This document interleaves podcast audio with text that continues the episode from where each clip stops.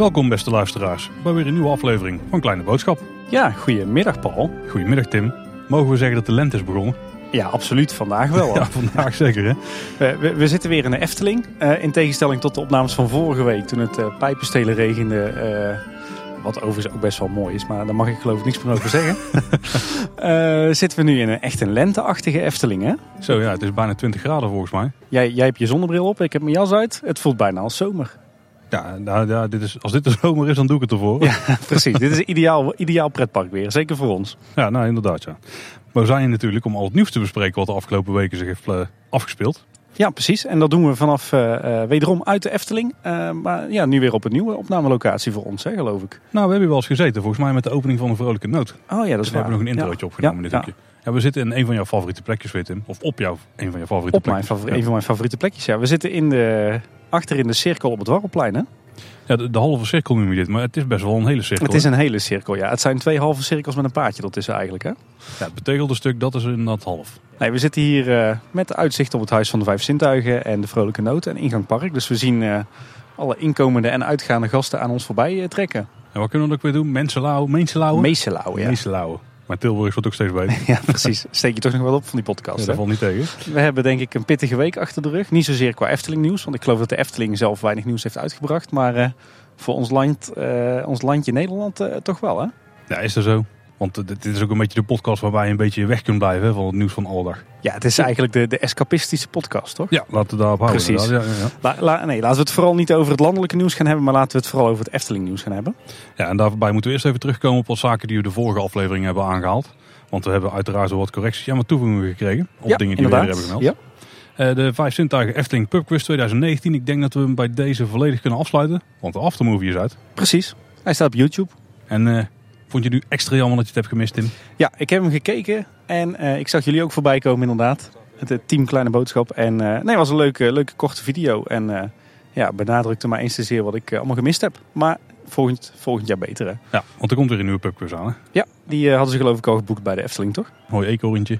Zit er eentje achter jou? Daar. Och, verrek. Ja, ja, ja je zit alleen in, de staart een, in een holle boom.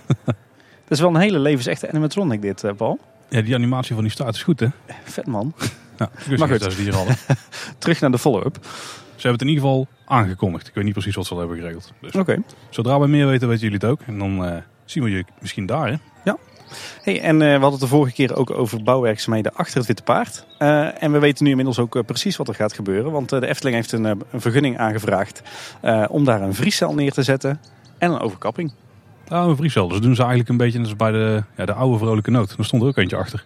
Ja, nou dat geldt volgens mij wel voor uh, wat meer horecapunten binnen de Efteling. Hoor. Dat achter de schermen dat er, uh, dat er wat extra koelingen of uh, vriescellen op het terrein staan. Maar ook losstaand? Ja. Oh, Oké, okay. ja. ik zou toch denken dat ze die dan misschien integreren in de gebouwen. Maar dat gebeurt ja, dus in de, in de ideale wereld wel natuurlijk. Nou ja, dat gebeurt inderdaad bij de bouw of bij de verbouw van die horecavoorzieningen wel. Maar als dan tijdens de exploitatie blijkt dat dat toch niet voldoende is, dan, ja, dan is het natuurlijk de beste oplossing om even snel een losse vriescel of koelcel bij te plaatsen. Kijk, heel goed. Tussen. Lekker progressief. Precies. Eh, en uh, tussen die vergunningsaanvragen stond overigens ook nog een, uh, een uh, vergunningsaanvraag voor de boshoeves mm -hmm. in Bosrijk, waar we het de vorige keer ook over hebben gehad. Alleen vroegen ze hier vergunning aan voor de bouw van zes boshoeves. Ja, ik zag dit. Ik denk dat ik weet hoe het komt. Ja, ik denk het ook. Het zijn zes gebouwtjes. Precies. Maar er zitten er twee in, één, in ja. ieder gebouw. Ja. Dus het zijn nog steeds twaalf units die ze kunnen verhuren, maar het zijn zes gebouwen. Precies. Ja. We hoeven overigens niet naar het gemeentehuis, want de Efteling heeft zelf op de blog ook uh, redelijk gedetailleerde tekeningen geplaatst van die boshoeves. We hadden het de vorige keer ook over de marathon van Tilburg, maar... Die gaan niet door. Nee, hoe komt het eigenlijk? Uh, of ging mij... niet door? Nee, hij, ga, hij, gaat niet door. Hij zou in mei plaatsvinden volgens oh. mij. zeg ik even uit mijn hoofd. Uh, nee, ik geloof dat het financieel allemaal niet haalbaar was. Oh, oké. Okay. Nou, ik las het zelf in het Brabants Dagblad een paar dagen geleden. En uh, later uh, tipten de jongens van Zoo Insight ons ook nog. Dus geen rood kapje loop en geen Jokie uh, loop, helaas. Nou, je kunt al zelf je alternatief nog doen. Misschien een rondje rondom de verblijfsaccommodaties. Dat best een aardige ronde. Ja, precies. Dan heb je, tik je best wel wat kilometers aan, ja. Maar goed, er valt dus een gat in de, in de agenda van het kapje. Nou, hey, dit vond ik ook een mooie. Was follow-up over aflevering 78. Ik hoorde in Kleine Boodschap over het oversteken van het spoor tijdens het in bedrijf zijn van de baan. Dit is van een anoniempje natuurlijk. Hè? Ja. Uh, wist je dat we daar hele regels voor hebben? Bij Joris en de Draak mag je met één set alleen oversteken als je oogcontact hebt met de operator. Bij twee sets mag je oversteken, maar alleen achterlangs een stilstaande trein. Het vogelrokhandboek zegt, overstappen leeg perron is alleen toegestaan als er één trein rijdt. Anders stapt men over via de trein. Ja, en dat, was, dat is natuurlijk reactie op eh, de aflevering die jij samen met Danny hebt gemaakt. Ja. Met zaken die de Efteling van eh, andere parken kan leren. Mhm. Daarin eh, ergerde Danny zich redelijk aan het, eh, het overstapgedrag van eh, Efteling-medewerkers. Maar dankzij deze anonieme tip weten we nu dus dat het eh, wel degelijk gewoon mag. En dat daar hele regels voor zijn waar ja, toch vast en zeker heel goed over is nagedacht. Dus eh dankjewel voor die tip. Ik denk dat dat een hoop zorgen wegneemt bij mensen. Ja, nu kunnen we het in ieder geval ook checken. Dus Precies. nu weten we wat de regels zijn. Dus dan kunnen Ja. ook zien of het echt gevaarlijk is volgens de regels die ze zelf hanteren in ieder geval. Ja. En ook een hele mooie vond ik dit, een mail van Quinten. Die kregen we naar aanleiding van aflevering 80 over Carnaval Festival. Daarin noemden wij dat er namelijk PVC-buisjes overal waren geplaatst. Eh, en die, die is nodig voor nieuwe bekabeling, want ze gaan overal LED-armaturen plaatsen. Dus gewoon LED-lampen. Ja. En die moeten aansturing hebben, namelijk via DMX. En eh, daar dienen die buisjes voor. Ja, want het verhaal is inderdaad dat, eh, dat de huidige verlichting is aangesloten op ouderwetse stopcontacten. En eh, die kunnen wel dimmen, maar dat gaat dan met, eh, volgens mij met een, eh, de frequentie van de stroom of zo. Ja. En ja, die nieuwe verlichting die wordt dus vanuit de DMX gestuurd en daarvoor heb je andere bekabeling nodig. Ja, want in, zo, bij een DMX-lamp werkt het zo. Die sluit je aan gewoon op een stopcontact. En dan geeft hij in principe licht, maar dan vaak op één stand. Ja. En dan, dan kun je er nog een DMX-kabel naast prikken. Dus er gaan er twee kabels in. En met DMX kun je gewoon signaal naartoe sturen via een computer of een controller. En dan kun je de kleuren ver- veranderen, kun je dimmen veranderen. En dan kun je ook verschillende, er zitten vaak verschillende kleuren LED's in. Dan kun je ook Ja. nog ten opzichte van elkaar laten veranderen. En daarmee kun je dus alle kleuren en zo regelen. Maar dat betekent ook dat dit de mogelijkheid geeft dat ze meer effecten gaan toevoegen met licht. Ja, precies. En dat is wel tof. Hij geeft zelf als voorbeeld dat zodra de gong bijvoorbeeld afgaat bij het binnenrijden van Azië, dat dan ook het licht meewerkt. Of misschien dat we ergens wel een zonsondergangetje krijgen Ja, of zo. eh, Ja, dat of zien we ook in, de, in de jungles van Fata Morgana. Hè? Of althans de laatste jungle hebben ze dat effect ook toegepast. Ja, precies. Ik denk dat het vooral ook met planning te maken heeft eh, dat, ze, dat ze tijdens de openstelling eh, al die nieuwe PVC-pijpen al hebben aangebracht. Eh, want het kon natuurlijk mooi eh, in de ochtend voor openstelling en dan is dat maar vast gebeurd. Ja, precies. Ja. Hey, nou we het toch hebben over eh, de nieuwe LED-verlichting in Carnaval Festival. Eh er stond ook nog een leuk artikel over in eh, LED Magazine. Mhm. Ik had er nog nooit van gehoord. Hè? Ik ook niet. Wordt maar- niet op mijn vakliteratuur, normaal nee? gesproken. Nou ja, bij mij zeker niet. Dat zal, je niet, dat zal niemand verbazen. Maar Ik vond het wel een heel interessant artikel, want ik Ja. heb hem eh, gecheckt. Eh, er stonden een hoop details in. Volgens mij was er gewoon interviews met mensen die in de Efteling eraan werken aan het project. ja, met eh, Mark Jansen volgens mij, hoofd engineering van de Efteling. Mhm. De- we worden inmiddels gewoon worden bijna besprongen door uh, Eekhoorn en Paul. oppassen op ons. we hebben geen eten bij, maar toch oppassen. Ja. Een aantal details die erin stonden. Het vervangen van alle verlichting door LED hadden ze drie jaar geleden niet aangedurfd.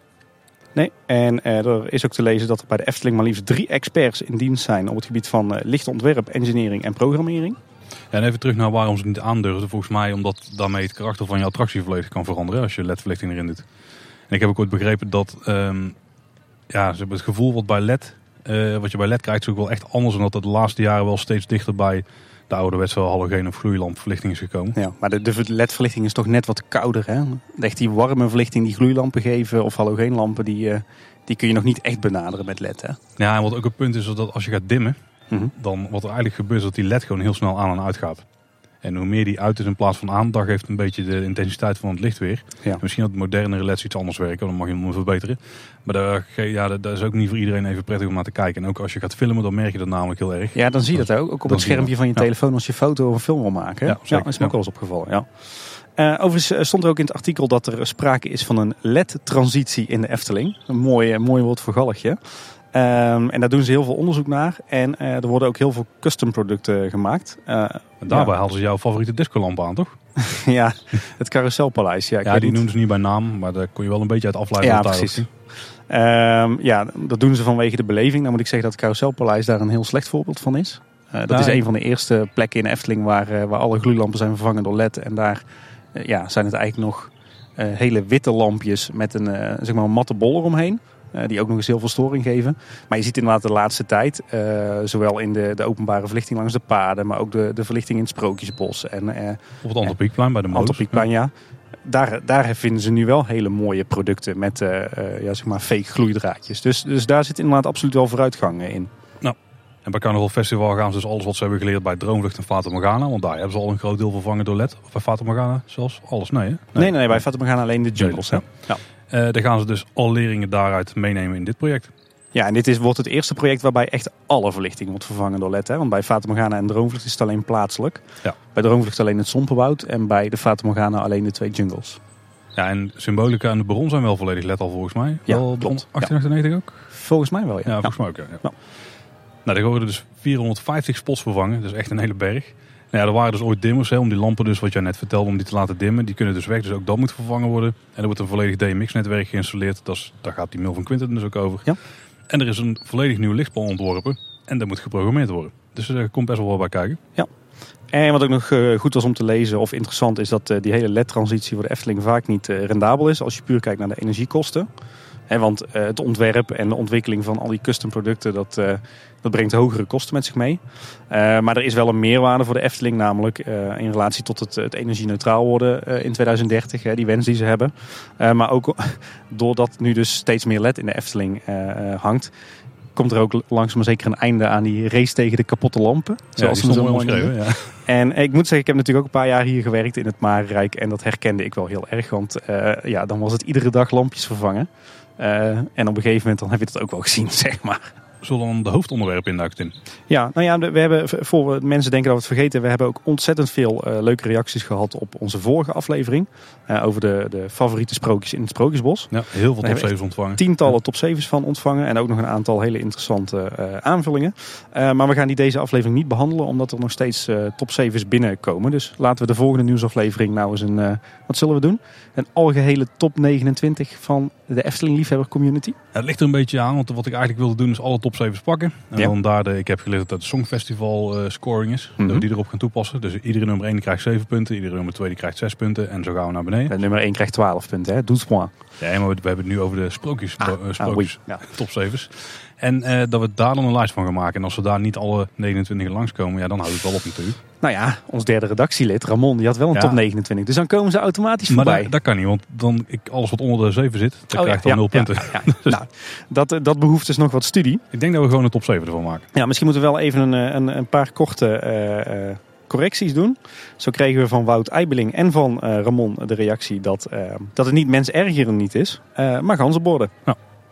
En eh, Gilbert den Dunge, die gaf ook nog aan dat eh, de vrouw achter het spinnenwiel helemaal niet de heks is, Nee. maar eh, de dertiende vee. Ja, is ook wel een soort van heksen. Ik, het is heksachtig. De vee's, die, die veeën doen ook dingen met magie, toch? De magie, ja, in de soep. Er zijn slechte veeën niet gewoon per definitie een soort van heks.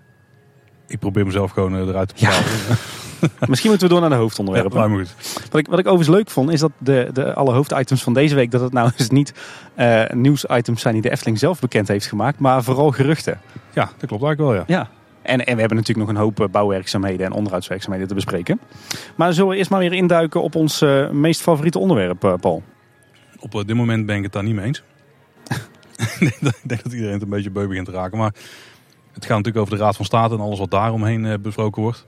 Ja, daar hebben we het de afgelopen eh, paar afleveringen uitgebreid over gehad. Maar we hadden eigenlijk nog een paar eh, puntjes die we niet eh, hadden besproken, gezien de tijd. We kregen allereerst een vraag, nog een vraag van Joost Bloks, een van onze actieve luisteraars. En die vroeg, wat is nou eigenlijk de rol van de gemeente in dit proces? Dat is een goede vraag, Tim. Leg maar Vertel. uit. Oh. nee, officieel is het zo formeel dat is de gemeente eigenlijk de enige partij die een bestemmingsplan kan opstellen, kan wijzigen en kan vaststellen. De gemeente is daar officieel gezien formeel de leidende partij in. En als het gaat om plannen die de gemeente zelf ontwikkelt, hè, dus stel dat de gemeente eh, zelf een woonwijk gaat aanleggen, dan is dat ook vaak de gemeente die dat initieert en uitvoert. Nou besteden zeker de kleinere gemeentes dat 9 van de 10 keer wel uit aan allerlei gespecialiseerde bureaus. Maar in het geval van eh, particuliere ontwikkelingen, zoals bijvoorbeeld een projectontwikkelaar die een wijk bouwt of de Efteling die wil uitbreiden, dan is het op papier officieel wel de gemeente die het bestemmingsplan wijzigt, maar in werkelijkheid is het die commerciële partij die alles moet doen. Dus die moet het bestemmingsplan opstellen, die moet de onderzoeken uitvoeren. Dat is de partij die met, eh, met bewoners en belanghebbenden praat. En dat is ook de partij die de inhoudelijke verdediging doet eh, eh, voor bijvoorbeeld de Raad van State. Maar op papier is het altijd de gemeente. Dus het is nu ook de gemeente die naar de Raad van State moet. En de gemeente waarvan het, het plan voorlopig is aangehouden. Oké, en ik denk dat Joost ook een beetje vraagt van was nu de gemeente in het vervolg hiervan. Maar dat is dus dat zij... Eigenlijk, wat ik zeg, op papier zijn zij leidend. Maar in de praktijk hebben zij eigenlijk maar een, een ja, faciliterende rol. En ik denk zelfs in dit geval, hè, als je kijkt, gemeente Loon op Zand is toch een wat kleinere gemeente. En de Efteling is een internationaal miljoenenbedrijf. Kan je er echt wel van uitgaan dat, dat het vooral de gemeente is die naar de Efteling luistert in plaats van andersom. En dat de Efteling de kosten ook een heel eind zal dekken. Ja, hebben we de een van de vorige afleveringen ook uit de anterieure overeenkomst Ja. gehaald. Hè. Dus alle kosten die de gemeente maakt worden ook door de Efteling eh, betaald. Ja. Dus ja, je kan eigenlijk zeggen dat de invloed van de gemeente op dit plan eh, en, en het hele proces echt minimaal is. Nou, we kregen ook een vraag van eh, eigenlijk heel veel luisteraars. Daar zijn we de vorige keer wel een beetje op ingegaan, maar niet heel diep. Nee. Wat zijn nu de inbreidingsmogelijkheden van het nieuwe park? Of van het huidige park moet ik eigenlijk zeggen natuurlijk. Ja, dus eigenlijk de, de, de plan B-optie. Hè. Wat Ja. nou als het bestemmingsplan echt wordt afgeschoten? Die kans schat ik zelf in, is, is echt minimaal. Eh, maar die vraag kregen we wel. Ja, wat moet de Efteling dan doen als ze worden gehouden aan het bestemmingsplan uit 2013? Ja, er, werd, er werd onder andere bij een collega-podcast op ingegaan eh, dat de Efteling, ja, dat er wat regels zijn, hè, zeg maar over het be- bebouwingspercentage. Dat Ja. is een onderdeel wat wij ook een paar keer hebben aangehaald. Eh, en dat de Efteling gewoon ergens een stuk grond erbij zou kunnen kopen om, die, eh, ja, om het gebied groter te maken. En dat ze daarmee dus meer kunnen bebouwen.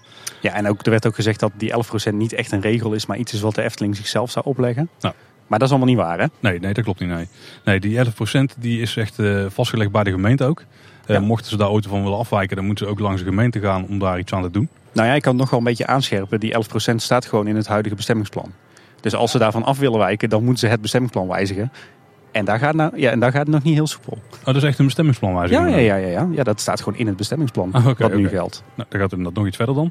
Eh, en die 11% die is berekend over een, eh, over een specifiek gebied. En dat is eigenlijk de 70 hectare die het huidige park beslaat. En daar zit het dienstencentrum dan bij en ook de hoofdparkeerplaats. Ja. Dat vond ik zelf wel opvallend. Als je namelijk de hoofdparkeerplaats al meerekent, dan staat in principe is er niks op bebouwd. Want de verhard oppervlak is niet bebouwing. Nee. Eh, maar een gebouw, zeg maar, wat, ik weet niet precies wat de exacte regels zijn. Maar ik stel me voor dat ieder gebouw gewoon waar je in kunt of zo, dat dat dan meetelt. Mhm. Of, of ieder object wat hoger is dan zoveel meter of zo. Ehm, en dan denk ik dus een meter of twee, dat je dan al heel eind bent. Ja, er zijn gewoon algemene regels in de wet over wat een bouwwerk is. Ah, Oké. Weet je die dan toevallig of klopt het enigszins wat ik zeg? Eh, het is al snel een bouwwerk. En eh, Een schuurtje, een overkapping, dat zijn allemaal al bouwwerken. En een hoge muur van stenen? Ja, in principe ook. Oké. ja. En de parkeerplaats wordt dus nu al meegerekend. Dus dat is eigenlijk al een redelijk groot stuk bra ja, laten we niet braakliggend terrein, maar open terrein waar niks Een- ja, bebouwd een onbebouwd stuk, ja. En ehm, ik heb een hele tijd geleden, toen werd Symbolica nog gebouwd, en heb ik nagevraagd van hoe zit het nu met de bebouwing op dit moment. Mhm. En toen kreeg ik als antwoord, en dat was dus nog voordat Symbolica stond, dat er op dat moment ongeveer 10% bebouwd was. En ik Ja. denk, oké, en en wat betekent dat dan? Nou, we hebben dus 70 hectare, daar mag 11% van bebouwd worden. Dat is 7,7 hectare. Ja. En zodra Symbolica ook gebouwd zou worden, zou dat betekenen dat er nog ongeveer 0,35 hectare over is. Wat ongeveer nog een Symbolica is, zeg maar. Oké, dus dat is echt wel redelijk minimaal. Als je een grote dark ride wil bouwen, dan is het daarna wel eh wel klaar. Op. Ja, precies. Dus ja, dat, dat is, ja, biedt niet zo heel veel mogelijkheden misschien. Hè? Nee, nou ja, op zich, kijk, als het, als het blijft bij eh, bijvoorbeeld een achtbaan met een stationsgebouw, dan valt dat natuurlijk wel mee. Ja, precies. Dus, eh, wat dat betreft is een achtbaan interessant. Want ja, de, de voeters die tellen waarschijnlijk wel mee als bebouwing. Ja. En een station natuurlijk. Ja. Maar verder helemaal niks. Nee, De baan die in de lucht zweeft, die telt nee, niet mee als bebouwing. nee, klopt. En een dark ride is wat dat betreft het minst interessante. Want dan moet je gewoon een heel stuk grond echt opofferen. En that's it. Precies. Kijk, en dus hè, het, eh, het park zit dus wat betreft dat bebouwingspercentage echt zo goed als vol. Toen ik de Efteling erover mailde, en nogmaals, dit is een hele tijd geleden al. Dus Ja. voordat Symbolica, eh, of toen Symbolica eigenlijk een aanbouw was. Volgens mij echt in januari van het jaar. Ehm, toen melden ze ook dat als de oostelijke uitbreiding, want die werd toen al wel genoemd, als die niet doorgaat, en die kans lijkt ons dus klein, maar dan wil het park mogelijk afwijken van die 11% weer. Dus als het bestemmingsplan zoals het in deze Ja. eh, situatie nu voor de, ja, voor de raad, of eigenlijk bij de Raad van State dus ligt, niet door zal gaan, dan, eh, dan kan het zijn dat ze gewoon dus wel gaan proberen om die 11% naar 12% op te rekken en misschien meer. Ja, maar dan moeten ze echt wel naar de gemeente met een, eh, een, voor een projectbesluit. Dus zeg maar een binnenplanse afwijking, zoals dat dan heet. Vooral bij die eerdere rondes bij de gemeenteraad was dit zo'n ehm, ja, eigenlijk zo'n plan wat veel werd geopperd hè, door heel veel mensen die daar een zegje wilden doen. Van Ja. waarom kunnen ze niet gewoon binnen de huidige grenzen nog veel doen. Ik denk dat ze vanuit de buurt dan weinig tegenstand hoeven te verwachten. Ik denk, ik denk vooral Daar weet ik al zeker van niet, zeg maar. Ik denk vooral vanuit de fans. Ik denk ook niet dat de Efteling dat... Ik vraag me af of dat de Efteling dat gaat doen, hoor. Want dan schiet, ze, schiet de Efteling wel natuurlijk in haar eigen voet, denk ik. Nou, kijk, het kan. Hè. En kijk, een andere optie is dat ze gewoon zaken gaan vervangen. Ik denk dat we het meer in die richting moeten zoeken dan, ja. Nou. Maar de vraag was concreet inderdaad. Ja, de vraag was concreet, waar zou de Efteling dan nog kunnen uitbreiden? Ik heb het niet opnieuw opgezocht, maar ik weet dat Fons tijdens een vragenuurtje, wat de Vijf Zintuigen een hele tijd geleden heeft georganiseerd, volgens mij toen in samenwerking met Team Park, dat ze een aantal plekken hebben in de Efteling die nog eh, mogelijk zijn. Daarbij werd het stuurhuis werd, eh, gewoon expliciet genoemd. Ja. Eh, dus dat die vervangen zou moeten worden. Nou, we hebben al eerder gemeld, dat kan lastig zijn omdat daar een hoop bekabeling binnenkomt die ze niet zomaar kunnen weghalen of omleggen of Ja. weet ik veel, zonder het park deels plat te leggen. Dus dat is interessant als ze dat gaan doen. Dat wordt een technische uitdaging, maar dat kan wel. Even uiteraard. het, het stuurhuis is eigenlijk het oude kantoor. Hè, wat je Ja. ziet als je over de dubbele laan van het Maarrijk naar het Reisrijk loopt. Of Ja, dat andersom. redelijk dicht bij Jokies Ja. wereld. Als je daar door die poort loopt, dan sta je eigenlijk daar voor de deur. Ja. Het is overigens niet het hele dienstencentrum, hè, wat door veel fans wordt geopperd. Want dat heeft gewoon een te belangrijke functie in de bevoorrading van het park. Ja, kijk, zou in de verre toekomst nog wel kunnen natuurlijk. hè, Dat ze zoiets voor, eh, naar de rand van het park verleggen of zo, of net erbuiten. Ja, Want de- dan valt het dus buiten die 70 hectare. Kunnen ze de gebouwen daar slopen. Ja. En dan heb je wel weer meer bouwruimte. Ook op andere plekken in het park Ja. natuurlijk. Hoeft niet per se daar te zijn. Het Nee. zou ook gewoon een grote dienstparkeerplaats kunnen worden of zo. Klopt. Nou denk ik wel, wat er, liggen nu, eh, wa- wat er nu nog ligt, zijn wel echte functies waarvan het, waarvoor het van belang is dat ze dicht bij het park liggen. Hè? Dus ik denk niet dat de Efteling nou heel snel dat dienstencentrum Het zelf gaat. Ik denk wel dat het praktisch is dat je daarmee Ja, zo, tuurlijk, eh, ja, dat, je, dat je snel in het park bent. Ja. Nee, absoluut. Maar als je kijkt naar Disney, die doen heel veel dingen ook offsite. Die eh, zit gewoon in de vrachtwagen en die rijdt daarheen. Het, het kan, natuurlijk kan ook- het. Maar ik, ik verwacht het dan inderdaad niet op de middellange termijn, maar eerder op de lange termijn. Dus Ja, dan nee, na absoluut, ja. 2030. Maar dat is in ieder geval een mogelijkheid. Daar staan niet direct voor recreatie bedoelde gebouwen. Nee, klopt. En die zou je dus weg kunnen halen en wel voor recreatie kunnen inzetten. Die ruimte die daarmee vrijkomt. Of vooral eigenlijk de bouwgrond die daarmee vrijkomt. Eh, dus dat is een optie nog. Dan hebben we eigenlijk de plek waar we zaten, naast het Lavelaar. Die werd volgens mij ook aangekaart. Ja, klopt. Eh, daarnaast hebben we nog het veldje langs de Python. Ja, inderdaad. Die is niet heel groot. Maar dat is nog wel een ander punt om aan te halen. Want een andere optie is natuurlijk de speelweide. Alhoewel ik denk dat het wel van belang is dat de Efteling juist een plek behoudt in het park waar ze eh ijstent, eh, de ijstent kwijt kan. Of een evenementengebouw. Of goed, Ja, iets van tijdelijke aard. iets van tijdelijke aard. Ja. Daar ben ik heel met je eens hoor. Maar het punt is meer wat ik wilde maken. Dat de speelweide geen plek is voor een achtbaan.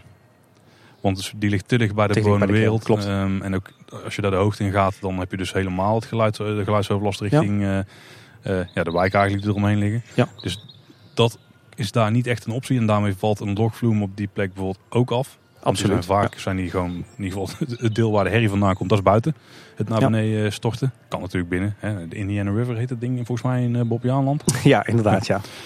Ja, dus ik zie dat ook inderdaad niet gebeuren. Nee. Heb ik zo nog een paar plekken gemist? van Nee, nee, want eigenlijk wil die, die conclusie wel trekken. Hè. Er wordt toch vaak door iedereen geroepen van de Efteling kan nog volop uitbreiden in eigen park. Maar ik denk dus dat de mogelijkheden echt gering zijn. Zowel qua bebouwingspercentage, maar ook gewoon concreet en praktisch van waar kan je nog iets. Nee, ik hoor nog wel eens het heksenpad.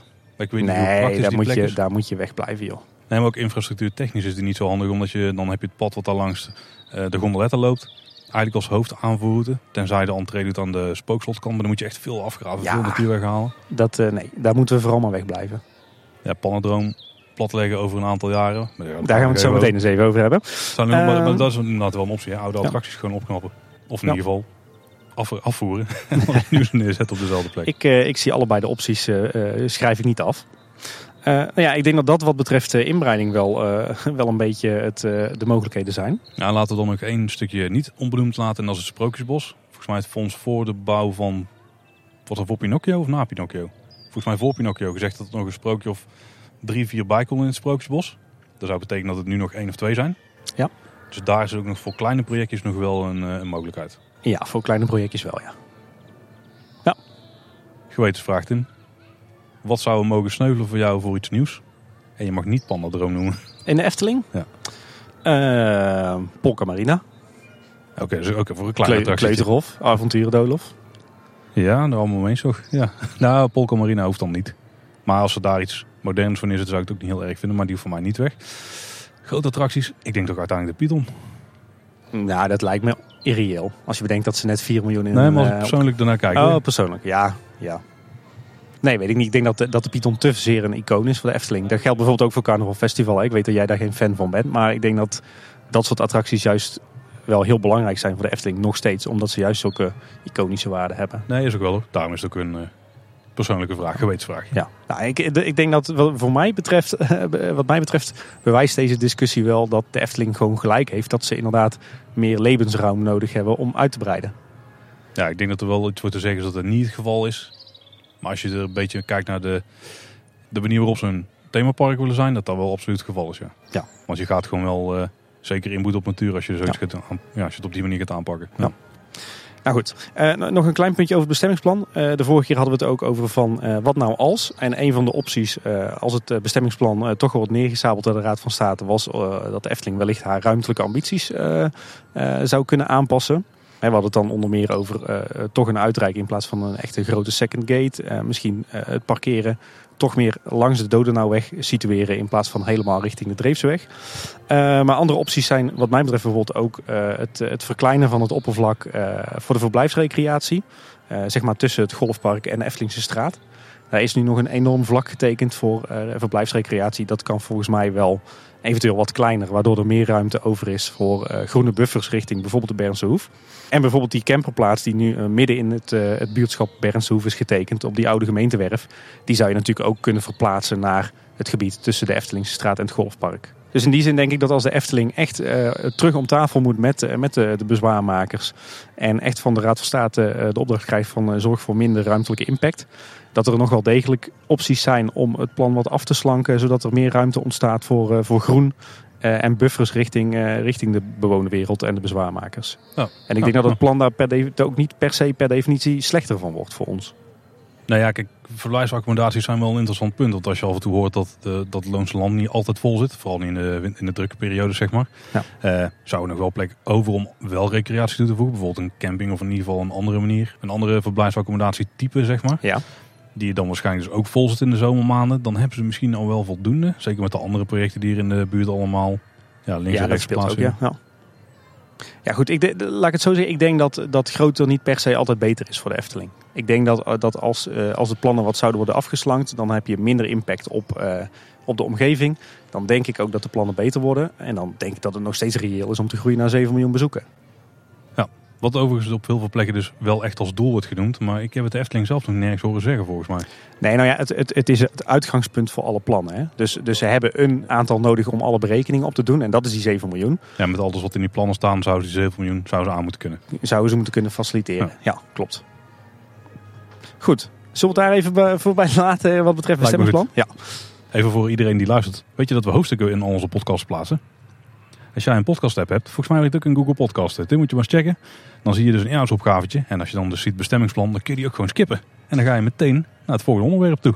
En dat vertel je nu achteraf? Ja, maar voor de volgende keer. Hè. Als je ah, dus nog een keer ziet, of nog een keer denkt van, oh jezus, hebben we het erover. Je kunt dus gewoon naar het hoofdstuk gaan wat je interessant lijkt. Ja. Hey, de zes zwanen. Dat is beter nieuws, denk ik. Ja, laten we gewoon eens lekker het park induiken qua onderwerpen. Ja, het sprookje is verticaal gegaan, zoals we eerder al aangaven. En de Efteling heeft nu bekendgemaakt dat het om 29.000 kilo staal gaat. Dus 29 ton aan staal. Le ik weet niet of het veel is, maar... Nee, lekker boeiend. ja. Maar het viel, mij, uh, er viel mij een paar dingen op, want Efteling had nu zelf een foto gedeeld. En die hebben ze gemaakt vanaf de bouwplaats. Dat is toch wel interessant, hè? want dan zie je dingen die je niet kunt zien als je Precies. over het hek heen spiekt. Wat ik dus regelmatig doe. Wat is een tip, hè? als je na de grot van Sneeuwwitje, uh, als je daar eigenlijk uitloopt, dan kun je links op zo'n bankje gaan staan. Dan kun je, als je een beetje lengte hebt, mooi over, de, over het, uh, het hek heen kijken. Dat is een goede plek Tim, om te okay. checken. Nou, ik laat dat eigenlijk altijd over aan mannen als Eftel Wesley en Jeroen 2 en uh, Efteling Nerd. Die, uh... Ja, ik moet dat dus tegenwoordig gaan staan met de kind in mijn nek. Want de dochters die willen altijd checken wat de, wat de voortgang is. Ja, die van jou zijn iets ouder. Hè? Ja, die zitten al wat meer, die, die zijn wat meer die richting aangeduwd. Die zijn goed opgeleid ja. Maar uh, jou viel wat op, begrijp ik? Ja, nou wat me dus opviel is dat uh, wat ik eerder dacht, wat we ook hebben gemeld hier. Ja, het is niet dat alles wat we melden hier dat er feiten zijn. maar, nee, maar nee, dat die uh, zwevende constructie. Dus zeg maar de voorkant van het kasteeltje, die, je, je gaat eigenlijk met je bootjes dus door het kasteel heen. Maar ja, het is een molen met armen, dus die moeten ergens onderdoor gaan. Dus we hebben de voorkant van het kasteel hebben ze zo gebouwd dat die zweeft. Ja. Interessant, maar ik dacht dat die zou steunen op de as, op de as in het midden. Maar dat is niet zo. Nee, het, is, nou, het lijkt helemaal niet zo te zijn inderdaad. En ik zie ook niet echt mogelijkheden waarmee ze het nog kunnen verbinden op een manier dat die echt op die manier ondersteund wordt. Ik denk, dat, dat ook, ik denk dat het ook lastig wordt. Hoor. Want ik denk dat ze dat, eh, dat, uh, zeg maar dat cirkelvormige betonblok in het midden gewoon nodig hebben om straks daadwerkelijk de as van de molen op vast te maken. Ja, dus dat die as daar nog in komt en dat hij daar boven. Ja, precies. Ja. ja, zoiets zou het inderdaad kunnen zijn. Ja. Dus uh, niet zoals ik eerder meldde, dat hij daar aan vast zit en dat hij dus ondersteund wordt op het midden. Ze hebben de constructie echt zo gebouwd dat heel de voorkant van het kasteel zweeft boven het water. Ja, dat heb je mooi gezegd eigenlijk zweeft in het water, denk ik straks. Want ik verwacht dat hij natuurlijk onder water staat en dat niet het water verdwijnt onder de rots dadelijk. Hè? Dat weet ik niet. Ik denk dat gezien de, de levensduur van, uh, van de constructie en het rotswerk, dat het uh, niet heel onverstandig zou zijn om die net boven het water te laten eindigen. Ja, dus ik denk toch niet dat ze dat gaan doen. Met Pegasus hebben ze daar niet zo heel beste ervaring mee. Oké. Wat, wat, mij trouwens opviel, ik weet niet of jij daar ook zo over denkt, maar toen ik de, de tekeningen van Sander de Bruin zag, toen dacht ik echt van wow, dit wordt echt een imposant ding en groot en hoog en dat gaat echt extreem overheersen daar in die hoek.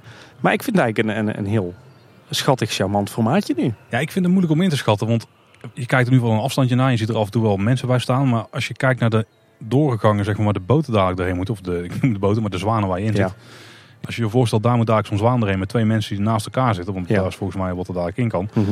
Dan is het nog best wel een groot ding eigenlijk. Ik vind het moeilijk in te schatten nu, zeg maar. Ik zie Nou ja, de, de, de, doorgangen zijn wel hoog, maar ja, dat komt natuurlijk vanwege het vrije ruimteprofiel rond die zwaan. Nee, ik heb het vooral om, over de breedte. Oké. Want er moet natuurlijk, ik neem aan dat die niet super strak doorheen gaan. Er zal een veiligheidsmarge moeten zitten van op zijn minst 30 centimeter aan beide kanten of zo. Ja, dat is dat vrije ruimteprofiel inderdaad. Ja, en als je daarvan uitgaat dat dat er nog allemaal doorheen moet passen. En dat trek je een beetje door naar de rest van het gebouw. Dan wordt het nog best wel groot. Ik denk dat wat wel klein is, is denk ik het stukje waar je binnen staat. Ja, inderdaad. Dat, het viel mij zowel qua hoogte van de toren als qua, eh, qua footprint, dus qua oppervlak, viel het mij eh, heel erg eh, ja, mee eigenlijk, om het maar positief te brengen. Ja, Oké, ik vind de hoogte van de toren ook nog best oké eigenlijk. Dat- die best, in, best, best hoog wordt. Want de uit staat er nog niet op hè. Zoals ik Precies, precies. hè. Ik denk, ik denk dat ook, eh, het is natuurlijk ook een kwestie van eh, verwachtingen managen en van perceptie. Maar ik was heel erg bang voor een heel erg overheersend gebouw. Wat echt boven dat Herautenplein uittorende. Maar het is, het is allemaal wat charmanter en, eh, en wat, eh, wat ingetogener. Dus daar kan ik alleen maar toejuichen. Ja, dat is op zich wel goed voor het Sprookjesbos Ja, natuurlijk. absoluut. Ja. Dan kregen we ook nog een eh, anoniem berichtje via Twitter. Eh, en eh, dat berichtje gaat als volgt. Als je goed kijkt op het kaartje van de zes zwanen, dan zie je dat er een klein pleintje komt bij de uitgang van de grot van Sneeuwwitje. Waarna het pad doorloopt naar de zes zwanen. Je kunt daar dus niet direct terug naar het Herautenplein. Er is ook een klein slingerpaadje naar dat pleintje toe. Dit valt samen met het verhaal dat het sprookje niet direct moet opvallen en je via een mysterieus bospad met geluidseffecten moet triggeren. Ook is de padenstructuur bij Assepoester niet tijdelijk, maar permanent. Dat zie je ook op het beruchte kaartje. De haag zal er dus wel blijven staan. Dat die hagen zo blijven staan hadden wij zelf ook al verwacht. verteld, ja? Ehm, ik kan dit niet helemaal volgen. Dus moet je daar door de grot van Sneeuwwitje om bij de zes zwanen te komen? Blijkbaar wel, maar er schijnt ook wel een klein slingerpaadje naartoe te gaan. Dus, dus je, je ziet straks, zeg maar, het kasteeltje ligt straks echt verscholen. Achter de grot van Sneeuwwitje en Assepoester. Je ziet dus Mhm. niet rechtstreeks vanaf het Herautenplein dat sprookje. Ja, oké. En je moet dus, ja goed, misschien wel de toren dan. Die zie je wel, ja. Ja, maar je moet dus echt moeite doen om daar te komen. En volgens mij want ik was er toevallig dus gisteren aan het kijken. En toen stond eh, onze grote vriend Henk daar. Henkes. Ja, en die stonden daar eh, uit, een beetje uit te meten hoe de paden en zo moesten lopen. En die stonden vlak achter de grot van Sneeuwwitje.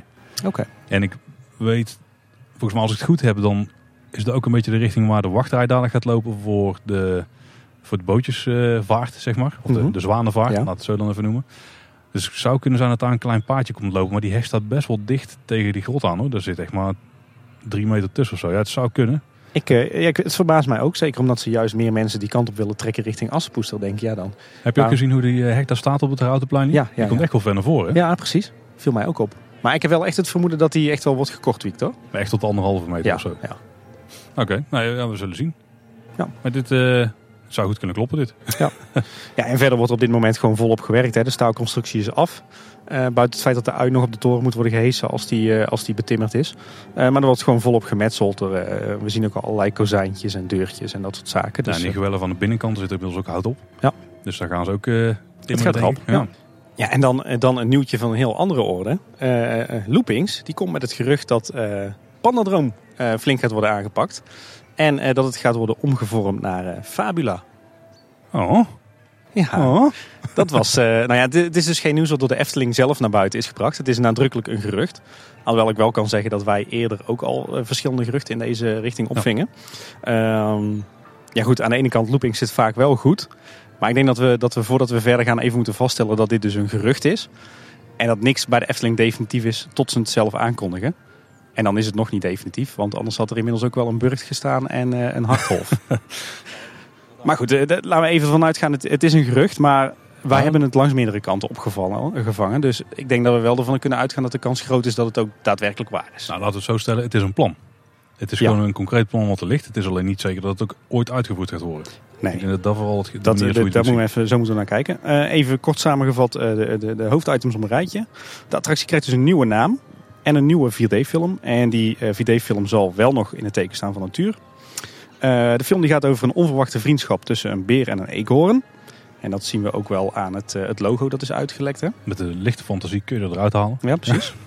En eh, nou, hoe gaat het verhaal dan? Het gaat over een verdrietige beer. eh, die door zijn soortgenoten met de nek wordt aangekeken. Een beetje het lelijke jonge eentje idee. Hè? Mhm. En als hij ten einde raad is, dan komt hij een eekhoorn tegen. Eh, die helpt hem met behulp van wat slimmigheden om alsnog in de smaak te vallen bij de andere beren. En in de film wordt niet gesproken. En de slogan zal zijn: Droom van het dierenrijk. Nou, dat ze niet praten is op zich wel, ja, eigenlijk wel logisch. Hè? Positief hè, vanuit internationalisering. Nou, een Panadroom nu gebeurt het natuurlijk ook niet. Nee, klopt. En inderdaad voor de internationale gast wel een stuk prettiger. Ja, ja verder nog wat, wat randzaken. Uh, de souvenirwinkel en het restaurant die gaan ook vernieuwd worden. Uh, wanneer dat het gaat gebeuren is nog niet bekend. Uh, als het dus ooit al gaat als gebeuren. het gaat gebeuren. Vermoedens zijn dat het dan na de zomer wordt aangekondigd. Mm -hmm. Um, het budget schijnt vooral naar de film te gaan. Uh, dus niet naar, naar zaken als aankleding, thematisering, bouw of iets dergelijks. Mm -hmm. En um, wellicht gezien de naam dat de attractie nu ook onderdeel zou gaan uitmaken van het Fantasierijk. Ja. En als we een beetje kijken naar het thema van de film, of het verhaal wat dan Loopings ook heeft weten te achterhalen, ja. dan lijkt het dus niet het wijzende vingertje te worden. Dus dat nee, zou je ook absoluut goed niet. stemmen. Daar, ik, nou ja, we gaan het er zo nog maar eens over hebben, maar ik word hier heel vrolijk van. Ja. Uh, Loopings heeft ook een reactie gevraagd aan, aan de Efteling en aan het Wereld Natuurfonds. En de Efteling die zegt, uh, we komen later met meer informatie over de toekomst van Pandadroom. En het, uh, het WNF die zegt, de Efteling zal hier binnenkort meer over naar buiten brengen. Daar wachten wij ook op. dus Ja. eigenlijk wel een bevestiging dat er wat staat te gebeuren met Pandadroom. Ja, kijk, dat, dat wisten we natuurlijk al min of meer, omdat die, de Wereld Natuurfonds deal, die was maar verlengd voor drie jaar. Dus het loopt tot 2020. Ja. Dus wat dat betreft, ja, Wereld Natuurfonds moet het zelf natuurlijk ook, een deal komt van twee kanten. Dus Wereld Natuurfonds zelf moet ook wachten op de Efteling dat die een handreiking doen of dat die in ieder geval nieuwe plannen hebben. Die misschien ook niet met het Wereld Natuurfonds dan zijn. Nou, ik wou net zeggen, het is natuurlijk nog niet gezegd of dit met of zonder het Wereld Natuurfonds zal zijn. Hè? Ja, nee, als ik dit zo hoor, dan lijkt het zonder. Ja, dat weet je natuurlijk nooit. Nee. Ook maar, geen- maar ja, wat, wat vinden we nu van het, het gerucht? Hè? We hebben, het, we hebben de, die vraag eerst maar eens gesteld aan onze luisteraars. Eh Pandadroom wordt volgens Loopings omgetoverd tot Fabula. Wat vind je daarvan? En we kregen daar maar liefst 314 stemmen op. Mhm. Toch wel een aardige portie, denk ik, van de, de echte Efteling-fans. Ehm 7% van de mensen die zegt blijf van Pandadroom af. Toch daar fans. Ja, inderdaad. Of misschien mensen die hier voor de grap dat antwoord geven. Dat Maar, kan ik ga Ja, vanuit dat het echt gewoon Panadroom fans zijn.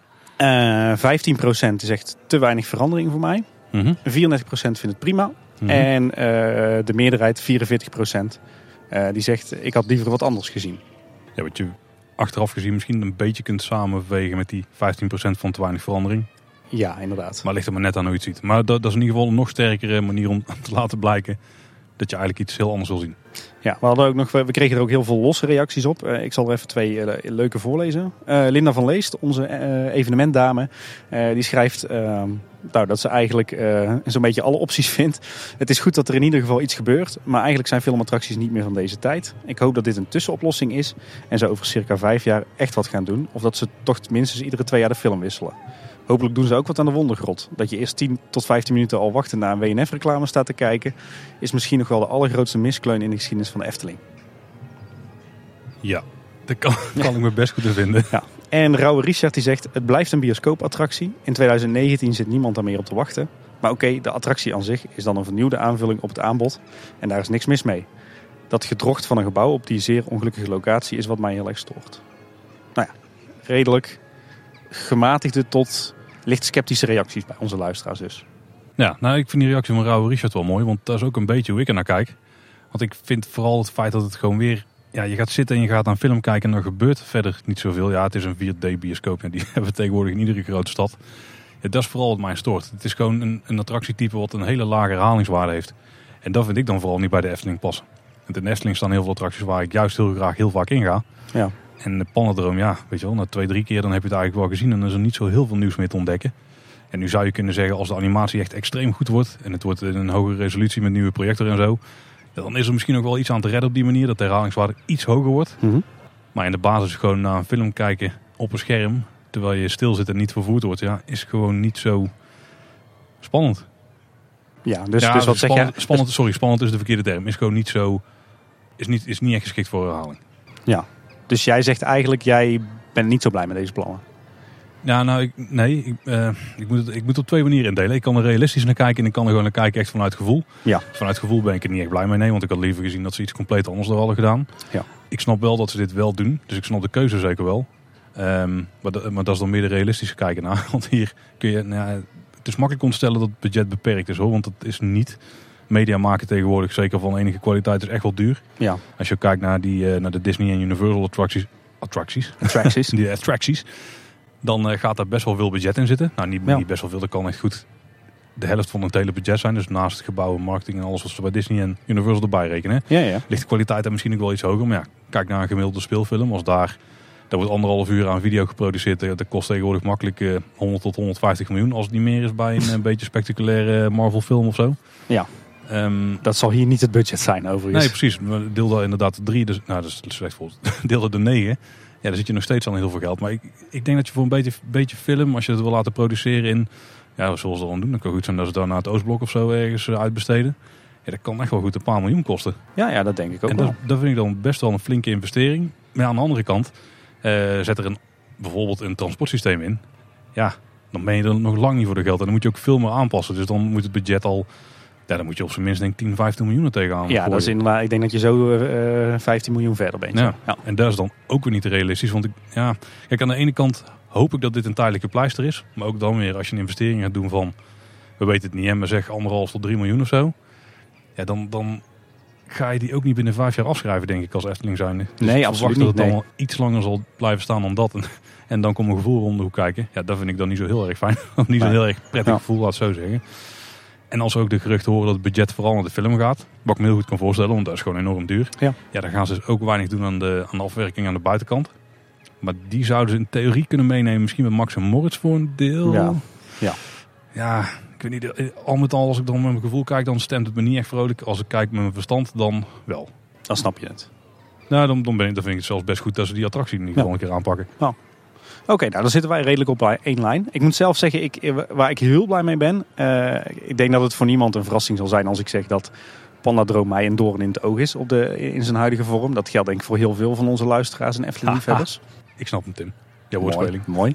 Eh, even gelijk de titel voor de aflevering te pakken.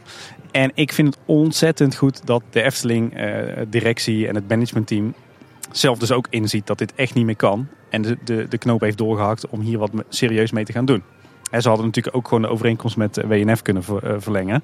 Eh, of een andere film erin kunnen plaatsen met dezelfde strekking als de huidige film. Ja, of gewoon helemaal niks hebben kunnen doen. Hè? Dat had ze ook nog kunnen Exact, ja.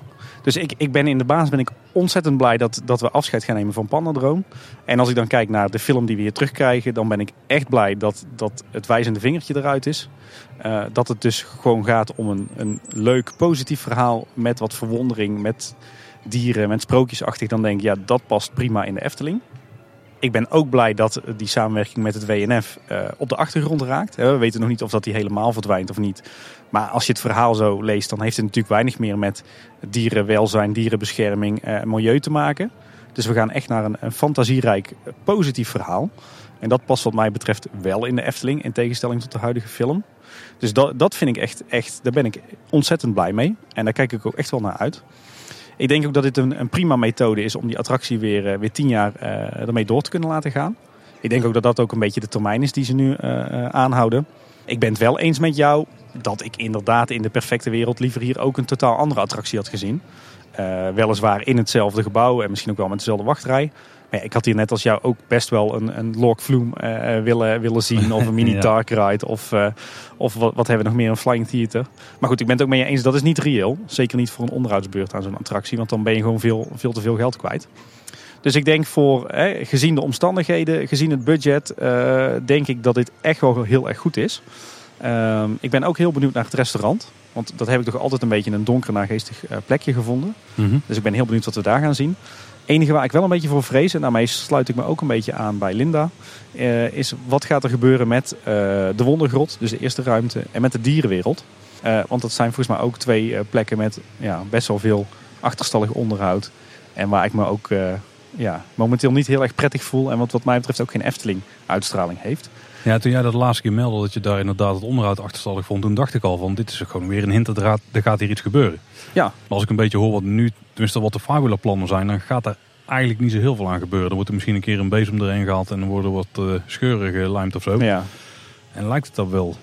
Ja, Ja. ik denk ook dat we geen grootschalige veranderingen gaan zien. Ik, ja, ik hoop alleen dat inderdaad echt de, de grote fouten die er nu in zitten, dat die worden aangepakt. Dus dat er wat meer licht komt, eh, dat die schermen eruit gaan of gerepareerd worden, dat de speeltoestellen worden gerepareerd. Eh, en dan, dan blijf ik hopen dat we inderdaad over 10 of 15 jaar hier wel een totaal andere attractie gaan zien. Maar, maar voor nu, hè, om het even af te ronden, voor nu vind ik dit echt wel een enorme verbetering. Eh, en ben ik ook super blij dat de Efteling dit zelf heeft ingezien en dat ze dit toch echt wel serieus gaan aanpakken. En dat ze ook de vinger op de zere plek weten te leggen. Namelijk weg met dat wijzende vingertje, weg met dat educatieve, weg met die wereld van nu. En weer terug naar dat escapisme, naar gewoon een leuk, positief, uh, verwonderlijk verhaal. Ja, jij zegt nu dat de Efteling dit zelf inziet. Ik denk dat ze dit al tien jaar inzien. Ja, ik denk dat er best wel wat mensen op de Efteling burelen zijn die, uh, die, die al wat langer een gevoel hebben van, nou, Pandadroom is het net niet, zeg maar. Of gewoon helemaal, niet. niet. Ja, zeiden zijn koor. Uh, misschien plot twist in. Ja. Stel dat dit nou de voorshow is voor een suspended coaster. Ja. Een nieuwe film als voorshow. Ja, ja, ja. Maar nou, dat, gaat, nee, dat, gaat niet gebeuren. dat gaat niet gebeuren. Dat heeft niet echt uh, een... Uh, vind ik niet echt realistisch, maar goed. Nee, zeker niet. En, en, nogmaals, de eerste keer dat wij hiervan hoorden, dat was volgens mij voordat het bestemmingsplan werd, uh, nou, niet werd afgekeurd, maar dat, daar, dat het werd opgehouden. dus het zou kunnen zijn dat dit gewoon een tussendoortje is. Hè? Een echt een tussendoortje. Ik denk ook dat, dat je dit moet zien in dezelfde lijn als het, het groot onderhoud aan, aan Carnaval Festival en de Oude Tuffers. Dus dat ze het zelf ook zien als een soort van groot onderhoud. Ja, waar we dan in dit geval iets meer nieuws voor terugkrijgen. In ieder geval op papier. Ja, dat is in de praktijk ook wel. Maar ik denk dat... Maar ja, dat, dat zeg jij. Maar natuurlijk de, de, de, de vernieuwing van de oude tuffers heeft natuurlijk net zoveel impact. Hè? Ja, ik denk dat we dit echt moeten zien als het plan voor een tussendoortje. En dat het niet zeker is dat dit nog een plan is waar ze uiteindelijk het meest aan hebben. Want stel nu dat, de, dat het bestemmingsplan wel heel veel vertraging op gaat lopen en dat het echt nog een traject wordt wat gewoon nog jaren op zich laat wachten. Ja. Dan zou het kunnen zijn dat dit plan weer de ijskast ingaat. En dat het plan B, wat dan een budget heeft wat nog een keer of vier, vijf hoger ligt. Dat ze die dan eruit gaan trekken. En dat dan dat het wel echt de klapper wordt waar mensen op af moeten gaan komen. Want dat is dit natuurlijk niet. Hè. Dit is meer een warmhoudertje voor het publiek. En niet echt een, een, een attractie die mensen gaat trekken. Daar zal ook weinig making-of van komen, verwacht ik. Weet ik niet. Ik denk wel dat ze dit gaan proberen te vermarkten als een nieuwe attractie. Of in ieder geval een vernieuwde attractie. Als je al ziet hoe dat ze dat bij de Python hebben gedaan, dan denk ik dat we dat hier toch ook wel gaan zien hoor. Ja, en, en ik denk dat, ze dit, dat, dat we dit ook echt meer in lijn moeten zien met, met de werkzaamheden aan de Oude Tuffers en aan Carnaval Festival. Dus dat dit echt gewoon wordt gezien als een groot onderhoudsklus. Dus ik denk niet dat dit snel uh, nog wordt uh, geshelved, zoals het dan uh, zo mooi heet. Ik denk eerlijk gezegd dat dit gewoon doorgang gaat vinden en wordt gezien als en een, een slimme manier om eindelijk van die die pannendroom af te komen. Uh, die smet op het blazoen van de Efteling. En om tegelijkertijd toch ook een soort van nieuwe attractie te introduceren. Ja, als je kijkt naar Pilon hebben ze niet echt geïntroduceerd als een nieuwe attractie. Hè? Nee, daar dus, niet. Dat, is waar, was ook vooral marketing naar de fans met de glamour en zo. Ik, ik, denk dat we... Ja, nou, ik, ik, denk echt dat als het bestemmingsplan meer vertraging oploopt... en dan kunnen ze een beetje aanzien komen rond die tijd, of niet. Hey, ik weet niet hoe dat precies gaat. Dan zou, dit echt, dan zou dit echt de aangewezen plek zijn voor een plan B. En dit is geen plan B. Nee. Um, nou, daar geloof ik niet zoveel van, maar nee. Uh, nee. Oké. Nee, maar dat mag. Het is een plan, hè? Ja. We kregen nog input van uh, Philip Corsius, onze storyteller. Mogen we onze storyteller wel noemen, denk ik. Als het inderdaad Fabula gaat heten, heb ik goede hoop. De fabels van Jean de La Fontaine zijn klassieke sprookjes met dieren in de hoofdrol, zoals de vos en de raaf. Zolang het zo'n sprookjesoverleg krijgt, kunnen we toch spreken van een verbetering. Niet? Nou ja, daar ben ik wel met, uh, met Philip eens. Alhoewel we weten inmiddels dus dat het niet over een vos en een raaf gaat maar over een beer en een eekhoorn. Ja. Um, maar goed, het, het, het, ja, het, is er wel op geïnspireerd. Uh, het heeft ook wat van het, uh, het lelijke jonge eentje weg, uh, hebben, we al, hebben we al geconcludeerd. Vond ze wel blij. precies. Dus in die zin denk ik wel dat er een parallel is met, met die fabels. maar ik denk niet dat we echt een fabel gaan krijgen van Jean de La Fontaine. Weet je hoe ze voor mij nog wel enigszins een haalwaarde zouden kunnen creëren in de show? Nee. Je moet het kunnen raden, Tim. Het begint met een A.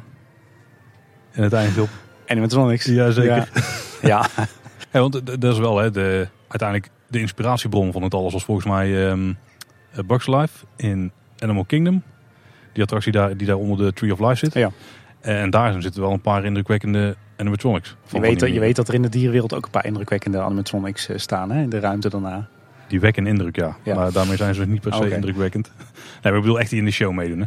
Nee, ik, ik, ik, denk eerlijk gezegd, we krijgen een nieuwe naam, uh, we krijgen nieuwe bordjes, we krijgen een nieuwe film. En dan denk ik dat het daar... Uh, ja. ja, misschien een ledlampje links en rechts. Precies.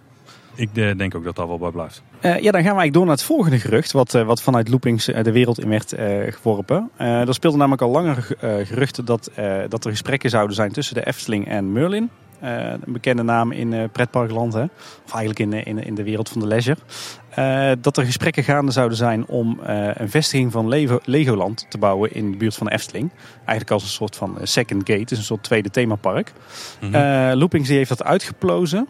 Die hebben dat bevestigd gekregen van Bart de Boer.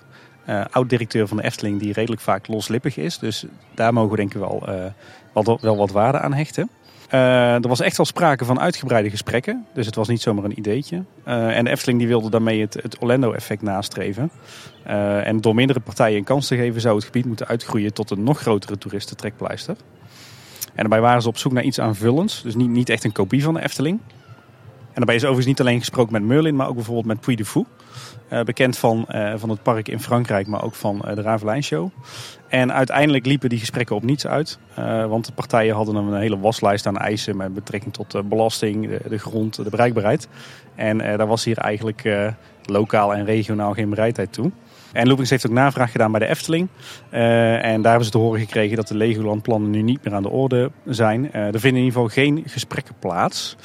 Overigens hebben wij ook andere berichten opgevangen. Namelijk dat dit nog wel nog steeds enigszins actueel zou kunnen zijn. Ja, want ik zou, ik zou me kunnen voorstellen dat die geruchten wel voortkwamen uit dit gerucht weer. Maar dat het van mond tot mond doorvertellen zeg maar ja, een beetje is geworden. Dat het, zoals ik het heb begrepen is het namelijk ook zo dat het een beetje een directie uh, denkrichting was. En dat de huidige directie daar helemaal niet die, die kant op denkt. Oh, dat, uh, ik, ga, maar, ja, ik ga er even niks op zeggen. Ik ga zo mijn mening okay. geven. Ja, we hebben dit ook weer even voorgelegd bij de luisteraars. Want wat vinden jullie er nou van? Nou, we hebben dus een poll geplaatst. In dit geval kregen we iets meer stemmen, 439. 439? Ja, dat, dat is veel man. Dat op ons Twitter-accountje. Dus weer redelijk representatief denken we. De vraag was, zie je het zitten in Legoland naast de Efteling? En daarop zei 17% ja, kom maar op. 16% zei nee, liever Puy de Fou. En 55% zei nee, liever een uitrijk. Dat is ook een optie die wij vaak hebben besproken. Ja, inderdaad. En 12% zei maakt mij niets uit. En daarbij kregen we nog los een berichtje van Chris van der Zanden. Onze huisfotograaf. Mogen we die ook zo noemen? Ja. Geen slecht idee om verschillende parken bij elkaar te hebben. Zeker met de potentieel uitrijk. Maar geen één park gaat na alle problemen met de bestemmingsplan iets investeren in Kaatsheuvel. Ik snap zijn opmerking. Daarbij denk ik wel dat de voorwaarde zou zijn geweest dat uh, een park pas een knoop zou doorhakken op het moment dat de Efteling ja. het bestemmingsplan had gewijzigd. In dat geval maakt het niet zoveel uit, want dan heb je gewoon vrij baan om van alles te doen. Ja. Want dan kan er in één keer veel. Ja, wat vinden wij er nou zelf van, Tim? Ik zal heel eerlijk zijn. Ik ben ongelooflijk opgelucht hè, even ervan uitgaan dat, dat, dat de berichtgeving klopt. Maar ik ben ongelooflijk opgelucht dat dit niet doorgaat. Ik ook. ik moet zeggen, ik, aan de ene kant snap ik de gedachte. Hè, ik snap dat je zegt van joh, als wij hier in Kaatsheuvel willen uitgroeien tot echt een enorm resort met flink wat verblijfsaccommodatie op eigen terrein en in de omgeving, dan moet je, en je wil echt grote stappen maken, dan moet je echt een second gate openen. Een grote knaller. Uh, waarvoor mensen echt naar de Efteling toe komen en zeggen: Ik ga er een meerdaags verblijf van maken. Want je hoort nu bij heel veel mensen nog steeds van: ah, de Efteling ben je een dagje wel klaar. Dus vanuit die redenatie snap ik hem. Ik heb in de basis ook niet per se iets tegen een second gate bij de Efteling. Maar ik vind de keuze voor Legoland dan wel ongelooflijk jammer. Uh, waarom? Ik zou het heel erg naar vinden als de Efteling haar naam zou verbinden aan een commercieel merk. Als Lego. Nou heeft Lego op zich wel een hele positieve toon, maar dan nog. Ik vraag me ook af wat, wat de toekomstwaarde is van Lego. Hè? Uh, het, het, het, heeft best wel al aardig wat tijd overleefd. En het is ook niet per definitie alleen interessant voor kleine kindjes. Maar goed, Lego is wel nog steeds plastic. En plastic heeft ook niet de toekomst. Dus ik vraag me ook af of het, of het goed zou zijn geweest om juist met een, merk als Lego de, de samenwerking aan te gaan. Ja, en bovendien, nou ben ik zelf nooit in een Legoland geweest. Um, het is wel iets uit Scandinavië, Tim. Ja, maar niet alles uit Scandinavië is per definitie goed. Uh, ja, het is leuk voor thuis, maar uh, tenzij je erop gaat staan in een blote voet, maar, uh, maar vooruit. Maar ik ben er dus zelf nog nooit geweest. Maar wat ik zie aan foto's, aan films en wat ik hoor aan verhalen van anderen, is het echt een combinatie van een hoop plastic meuk, hè, die blokjes. En zo'n Perla-catalogus die is opengetrokken. Dus ik heb ook zeer mijn bedenkingen bij het kwaliteitsniveau. Um, dus nee, ik denk dat dit, uh, even los van de vraag, wil je wel of geen second gate bij de Efteling? Maar dat dit een hele nare keuze was geweest als we hier naast de Efteling in Legoland kregen. Ik vraag me vooral af of dat de keuze überhaupt wel zinnig was. Je wil het Orlando-effect creëren, maar heb je het dan over het grote Orlando? Want in dat geval is het namelijk die, vooral die concurrentie tussen Universal en Disney nu, die heel erg ervoor zorgt dat daar juist enorm wordt geïnvesteerd en dat daarom een hoop mensen naartoe komen. Want dat is wel in de, ja. in de pretparkwereld, als je investeert, dan komen er meestal wel mensen op af. Tenzij een hete zomer ja. het een beetje dwars ligt. Maar dan nog steeds stijgen de bezoekerscijfers meestal wel. En dan denk ik van ja, als je dan meer een soort van partnership aangaat, maar je hebt niet echt controle over wat ze doen. Ja, echt concurrentie is het dan niet. Want als je de Efteling naast een Legoland legt, ja, dan gaat, nou ik weet niet eens, 100% van de bezoekers voor de Efteling kiezen. En dan is Legoland dus meer het, het, het- ja, wat je nog eventueel kunt doen als je een dagje over hebt. Ja, Dus ik weet niet eens of dat het dan wel voor zou zorgen dat je nog een dag extra blijft.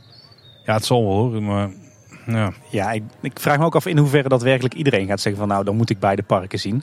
Ik denk wel dat mensen sneller die keuze zouden maken. En ook sneller de keuze zouden maken om hier dan te overnachten. En als je komt voor de Efteling, is Legoland dan het andere waar je graag naartoe zou gaan? Want het is qua vormgeving en qua sfeer is het echt compleet anders. Wat aan de ene kant Dat is ook weer de kracht. Hè? Ja. Maar aan de andere kant, ja, het staat er zo ver vandaan misschien. Dat het, k- check een, Animal Kingdom naast een, eh, een Magic Kingdom. Kijk, daar is nog niet zo heel veel verschillend, weet je wel. Nee, Epcot is daar ook een beetje misschien de vreemde eend in de buit voor heel veel mensen. Want eh, Hollywood Studios gaat ook steeds dichterbij ja, het, het klassieke Magic Kingdom eh, liggen. Met in ieder geval meer eh, realistische vormgeving. Ja, en, absoluut, ja. en meer echte werelden creëren. In plaats van een kijkje achter het scherm geven of een kijkje in de toekomst of in andere landen, zeg maar. Ja. En, en dat werkt goed. Disney groeit ook mee die kant op. En juist iets heel anders zie je daar minder. Want zelfs de waterparken daar, die, die liggen stiekem redelijk dicht bij de, bij de attractieparken die er liggen. Of de themaparken. Nee, ik, ik weet niet. Ik weet niet of het überhaupt een goede keuze was geweest. ik denk, ik denk qua, qua eh, sowieso de keuze voor Legoland lijkt me, lijkt me een verschrikking. Dus ik ben blij dat ze daarvan af zijn gestapt. Ik vind wel een interessante vraag, wat dan met Puy du Fou? Hè, we, la- laten Ja. we niet alle parken de revue passeren, maar hier hebben blijkbaar gesprekken mee plaatsgevonden. Puy du Fou zou ik dus wel zien zitten als second gate bij de Efteling. Nou ja, niet helemaal. Ehm, Ik ook minder, omdat ik niet zo'n showman ben. Nee, nou ja, ik, ik moet zeggen, wat, wat mijn grootste bezwaar ermee is, is de Efteling heeft straks 30 jaar lang keihard gevochten om eh, uit te kunnen breiden in, eh, naast het park. Die hebben 30 jaar lang, eh, misschien nog wel langer, zijn ze bezig geweest met grond aankopen, met bestemmingsplanwijzigingen, met infrastructuur. En dan zou je vervolgens die, die stevig bevochten grond, zou je dan afstaan aan een, een andere partij, aan een conculega. Ik, dat, dat wringt bij mij. Ik heb dan zoiets van, laat de Efteling dan vooral zelf uitbreiden. Ja, even een beetje dat nuanceren, want je kunt er dan wel dus geld voor krijgen. En dan kun, Ja. je, dan kun je dan weer investeren in je eigen park, maar je breidt er in principe niet direct de ervaring van de gasten mee uit. En dat is wat wij het liefste zien, denk ik. Wij Ja, zien het liefst ja. dat de Efteling zijn eigen, zijn eigen stijl en zijn eigen visie een beetje doortrekt in de rest van de omgeving. Precies. Kijk, en ergens snap ik het ook wel in die zin, hè, als je kijkt naar financiële haalbaarheid. Ik denk dat de Efteling, als de Efteling zelf een hele second gate zou willen ontwikkelen, dan moeten ze zoveel geld hebben. Dat hebben ze niet in eigen bezit, ook de stichting niet. Dus dan moet de Efteling echt flink gaan lenen. En dan is de vraag, moet je willen dat de Efteling zulke financiële risico's neemt? Dus ik snap dat ze de risico's daarvan bij een andere partij willen leggen. Hadden willen leggen. Hadden willen leggen. Ehm, maar ik, ik zie, als het dan toch zo zou, zou moeten zijn, dan zie ik wel vele malen liever een Puy du Fou dan een, ehm, dan een eh, eh, Legoland. Eh, maar dan wel echt als de Eftelingse variant van Puy Fou. Hè? Dus met verschillende periodes uit de Nederlandse geschiedenis. Denk aan de Romeinse tijd, de middeleeuwen, de, de 80-jarige oorlog, de VOC-tijd. Eh, misschien de industriële revolutie, misschien wel de Tweede Wereldoorlog. Is een beetje de richting die Madurodam op gaat, hè?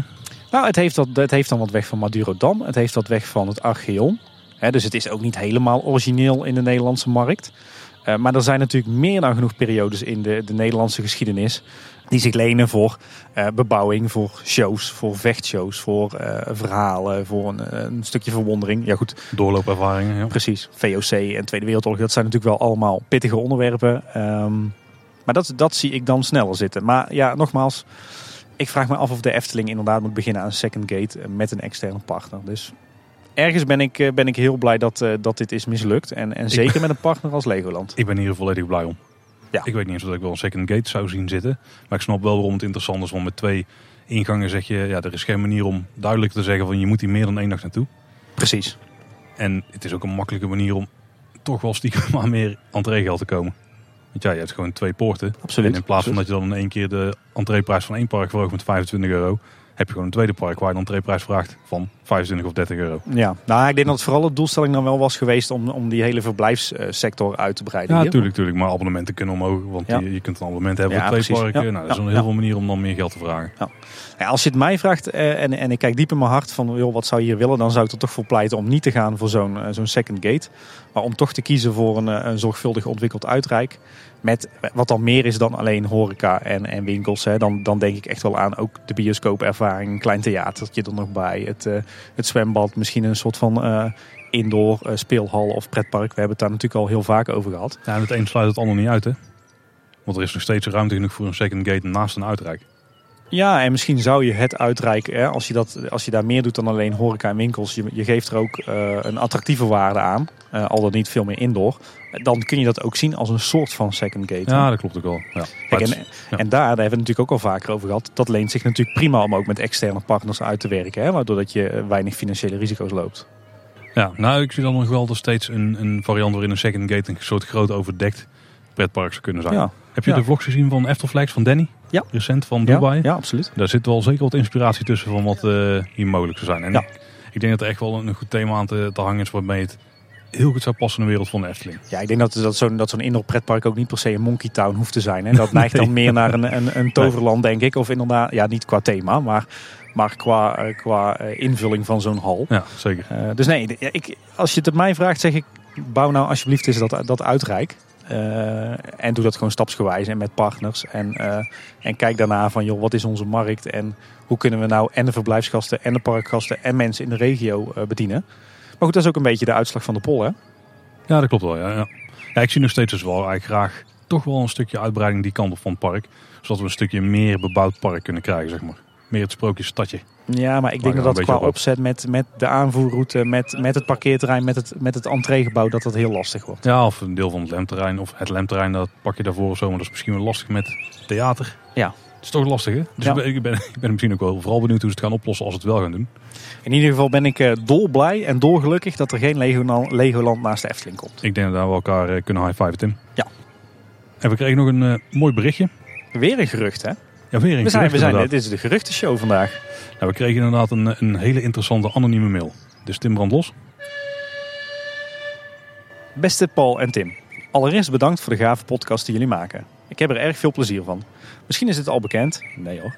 Maar er lopen op de Has Hogeschool in Den Bosch verschillende projecten voor de Efteling die te maken hebben met het, let op, heropenen van het Lurk en Limoenhuis. Hé, hey, we krijgen nou. Ja.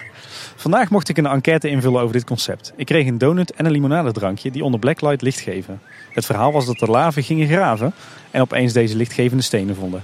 Vond het een beetje raar verhaal, maar het is wel een indicatie dat de Efteling een verhaal wil toevoegen aan het Lurk en Limoenhuis. Er waren verschillende groepen met verschillende verhalen en ideeën waar je een enquête voor kon invullen. Hoop dat jullie hier iets aan hebben en succes met de volgende podcast. Kijk, dit is nou, ik bedoel, dit is ook een gerucht. Maar dit zou tof zijn. Hey, Pandadroom eruit, geen Legoland en het Lurk en Limoenhuis opnieuw open. Wauw. Dit is toch wel echt Dus, even uh, goed Gauw, nieuws. gauw aflevering tot dit al. Precies. Ja, ik vind het heel tof. Sowieso het feit dat ze er iets mee willen gaan doen. Buiten het feit dat je dan een lichtgevende donut of drankje hebt. Is wel een geinig, geinig, geinige gimmick.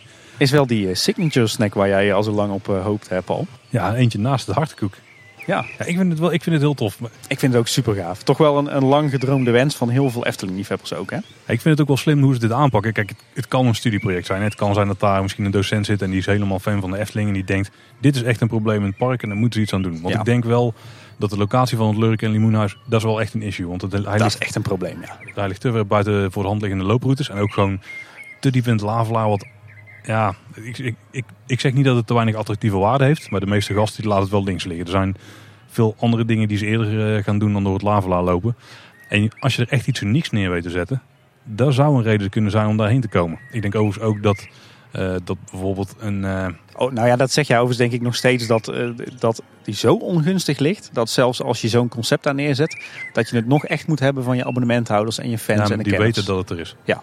Nee, dat is zeker. Ik denk dat als je echt, wat, echt het Lurk en Limoenhuis weer een, een succes wil maken, dat je iets heel heftigs moet doen. Dat je de ludiek moet leegslopen. Want dat is nu toch niet veel meer dan een soort van action. En dat je, Ja. dat je de inrichting van het Lurk en Limoenhuis, of soortgelijks iets, moet verplaatsen naar de locatie van de ludiek. Ik denk dat dat de oplossing is voor het Lurk en Limoenhuis. Ja, maar dan is het dus niet de oplossing voor het Lurk en Limoenhuis. Dan leg je het gewoon ergens anders neer. Het is gewoon Precies. een nieuw huis. Hetzelfde concept, dezelfde naam op een andere locatie. Ja, de naam zal dan ook wel aangaan. Want ik denk niet dat we dan de laatste Lurk en Limoen nog terug hoeven te verwachten. Weet ik niet. Even, hè, la- laat even onverlet hoe dat ze precies doen en of het waar is. Want ik ben het met jou eens. Het kan ook gewoon even een vraag zijn geweest die de Efteling heeft opgeworpen op verzoek van de HAS. Hè, of iets wat ze even onderzocht willen hebben en ze weten nog niet of ze er wat mee gaan doen.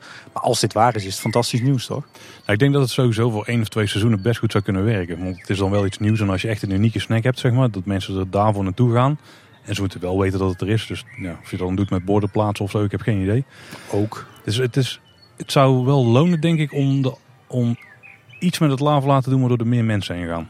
Sowieso voor de verspreiding van je mensen. En heel veel mensen missen het gewoon. En het is een van de Ja. mooiste stukken van de Efteling. Absoluut. Maar dan nog denk ik, als ze dit werkelijk gaan uitrollen, dan denk ik dat het wel eh, eh, een kans heeft eh, op levensvatbaarheid. Maar dan, echt, dan moeten ze het echt vooral hebben van abonnementhouders, fans.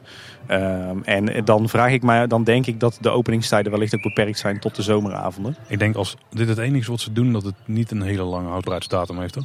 Nee, dat, dat denk ik ook. Want ook die fans en liefhebbers die gaan niet alle negen of alle 18 eh negen pleinenfestijnavonden in het Leuk en Limoenhuis zitten. Ja, nee, niet alleen dat, maar ook gewoon- er komt gewoon te weinig volk op het Lavelaar nu af. Je zou dan echt een nieuwe, ja, net als dat je een nieuw sprookje doet, dat je een nieuw deel van het Lavelaar hebt. Of een nieuw Ja, huisje klopt, of zo. Of klopt, als je klopt. zoiets hebt, dan heb je in ieder geval voor een jaar of drie tot vijf misschien iets meer voetgangersvolk die kant op. En dan, Nou ja, kijk, de, de, de, de, de ligging en de, de geslotenheid en de impopulariteit van het Lavelaar, dat is denk ik een ander verhaal waar we een keer een hele aflevering over kunnen nee, maar maken. wat jij zegt, als je het meer naar voren zou kunnen halen, dan zou het echt wel een hoop schelen. Dan zouden veel mensen er veel makkelijker heen gaan. Als het in de buurt zou liggen van, eh, ja, van, van de, de ingang van de monorail, zeg maar. Nou, ik ben 99% zeker, als jij het Lurk en Limoenhuis in de huidige lutiek sto- stopt, dan wordt het een groot succes. Ja, daar ben ik helemaal met je eens. En dan zou het daar ook een soort gateway kunnen zijn, misschien om mensen weer het Lavelaar in te krijgen. Exact. Zeker als je iets, iets daar doet met interieur en op waar je nooit erin plaatst. Verstond het niet. Zeg, zeg het nog eens? Je weet donders goed wat ik zei in. Ah, weer iets met animatronics zeker. Uiteraard. Ja, tof nieuws. Laten we hopen dat het Ja, waar wordt. Zeker. Toch? Ja. Ja. Ja, overigens nog één keer terugkomend op eh, het, het onderzoek zeg maar, wat ze daar doen. Het is wel een heel erg niche probleem wat ze dan opwerpen. Ja, dus de, de, zeg maar de intentie om er iets mee te doen, die zal er dan echt wel zijn. Anders zijn er heel veel andere voor de hand liggende zaken. Doe iets met sprookjesboom, doe iets met... Ja, Ja. maar voor, volgens mij heeft de Has ook al wel eh, aardig wat, eh, wat jaren op rij bijvoorbeeld het kindermenu ontworpen en zo. Dus er, er, zit- er is wel meer eh, samenwerking met eh food design van de Has. Eh, Ja, maar dat zijn voor de hand liggende dingen. Want er is al een kindermenu en die moet Ja, aangepast worden bijvoorbeeld. Dus het feit dat het zo'n niche ding is, daar geeft het iets meer gewicht zeg maar dan... Ergens is een vraag, ja. Ja. Ja, tof. Ja. Hoopgevend. Dankjewel, eh sowieso. anoniempje. Nou, in Bosrijk is er ook weer een hoop gebeurd. Daar zijn ze natuurlijk bezig met de nieuwe boshoevers. En ik ben er zelf niet gaan kijken. Nee, ik, ik ben zelf ook nog niet op Bosrijk zelf geweest. Ik rijd er wel een paar keer per week eh, eh, langs. Eh, en ik heb ook aardig wat foto's gezien, onder meer van Eftel Wesley. Maar Ja. heel Bosrijk is wel echt veranderd in een bouwplaats, hè? Ja, dat komt natuurlijk omdat ze op heel veel verschillende plekken bezig zijn. Heb ik Ja. niet eens stilgestaan eigenlijk. Ja, ik, ik ben toch heel benieuwd hoe ze dit, eh, hoe ze dit doen met, eh, met overlast voor andere eh, bezoekers. Niet alleen qua geluid, maar ook omdat het hele park er als bouwplaats uitziet. Ehm, en het is, als ik de foto's zo zie, dan zijn er volgens mij toch nog wel wat bomen voor gesneuveld, hoor. Oké, ja, jammer. Ja, ja, misschien moeten we toch maar eens gaan kijken daar. Dan kunnen we er zelf een oordeel over vellen. Maar wat in ieder geval goed is om te zien is dat op de meeste locaties, hè, er zijn zes, zes bouwplaatsen. Op de meeste locaties wordt nog gewerkt aan het grondwerk. Eh, op één locatie hebben ze die eh, prefab vloerkist van, eh van piepschuim eigenlijk, hè, plat gezegd, al klaar liggen met de kabels en leidingen er doorheen. En op één plek is de betonvloer zelfs al gestort. Ja. En de bedoeling is dus dat straks dat het dan heel snel gaat. Dat het, de, de boshoeven zelf er dan prefab op worden gezet. Tim hier, live vanuit het Efteling Resort. Zeg, eh naar aanleiding van onze opnames op de late vrijdagmiddag ben ik eh, toch nog eventjes naar het Bosrijk gegaan eh, om de situatie ter plekke te bekijken. Stiekem ook gewoon voor een lekkere wandeling, een goede bak koffie en een lekkere lunch. Maar het valt me op dat er inderdaad volop wordt gebouwd op Bosrijk. De huisjes die schieten echt als paddenstoelen uit de grond zodra, ze, zodra de betonvloer klaar is. Mooi om te zien. Eh, er wordt zelfs al op sommige plekken gewerkt aan de eerste verdiepingsvloer. Eh, dus dat gaat echt razendsnel dankzij die prefabbouw. Eh, ik vraag me wel af hoeveel overlast dit door de week oplevert voor de mensen die in de huisjes zitten. Aangezien het ook behoorlijk forse bouwplaatsen zijn. Maar goed, daar zullen ze vast bij de Efteling wat, wat op gevonden hebben. Het valt me ook op dat de huisjes bewust worden gebouwd, de nieuwe boshoeves, op plekken waar al heel veel bestaande bebouwing is. Dus het lijkt erop dat ze het toch clusteren. En daardoor behoudt het park wel echt zijn, eh, zijn bosrijke sfeer, zeg maar. Eh, dus ja, er zijn wel wat bomen gesneuveld. Maar ik heb niet het idee dat, dat er echt sprake is van een kaalslag. Of dat, dat het park echt zijn bosrijke karakter kwijt is. Dus dat, dat valt me heel erg mee. Dat is wel echt slim gedaan. Uh, wat ook een uh, meevaller is, is dat zeg maar, het aanzicht als je door het poorthuis loopt en je kijkt over het meer heen richting het uh, kasteel van Klaas Vaak. Dat eigenlijk dat mooie plaatje, dat mooie zicht, dat daar weinig aan verandert. en dat ook de, de speeltuin, zeg maar halverwege het park aan de linkerzijde, met de lange glijbanen en wat netten en touwen, dat die ook nog steeds intact is. Terwijl er waren wat verhalen dat die zou zijn weggehaald. Maar dat blijkt niet het plan, want er wordt uh, verderop wordt een huisje gebouwd. Dus ja, ik ben eigenlijk over het algemeen uh, positief verrast over uh, de bouw op Bosrijk en de locatie van de nieuwe boshoeves. Dat hebben ze heel goed, goed bekeken bij de Efteling. Um, ook nog even in het Loonse Land geweest. En wat me daar opviel is dat er vrij recent een hoop nieuwe bomen zijn aangeplant. Volwassen exemplaren. Um, misschien ter vervanging van bomen die de afgelopen zomer zijn verdroogd. Of misschien wel om het park weer net wat meer uh, groen te geven. Dus ook dat is uh, ja, mooi om te zien. Nou, tot zover even deze korte update vanuit het Efteling Resort. Terug naar jou, Paul. En dan is er nog een ander onderwerp. Ik denk dat het ook zo'n onderwerp is waarvan mensen echt hopen dat het een keer klaar is. Want dan kunnen wij erover ophouden. Ja, precies. Dit is weer zo'n hoofdstukje wat je kan skippen, eh, toch? Ja, inderdaad. Dus de stand van de zaken bij de Verlegde Horst. Ja. Nou ja, wel, wel even een dingetje. Er wordt nu eindelijk aan de weg zelf gewerkt. Dus de Verlegde Horst is nu echt in aanleg.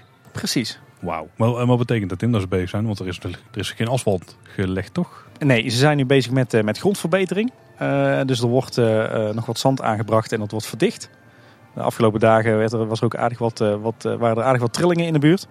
En, en ze zijn de riolering, dus de afwatering van de weg aan het, aan het aanleggen. Er komen nu allerlei PVC-buizen uit de toekomstige weg. En die gaan straks het, het regenwater afvoeren in de sloot langs de N261.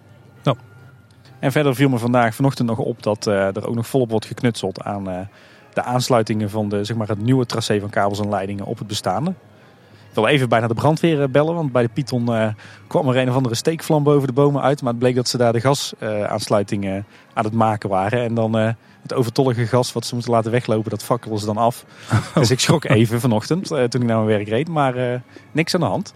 Nee, dus ze zijn die, die aansluitingen nu aan het maken. Zou, er zou niet iedereen hebben weten die er langs reed, denk ik.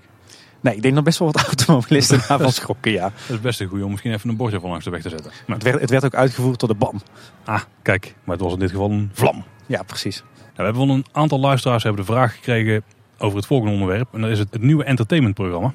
Uh, daar kregen we onder andere van Roy Jansen een vraag over, maar ook van Sjoerd.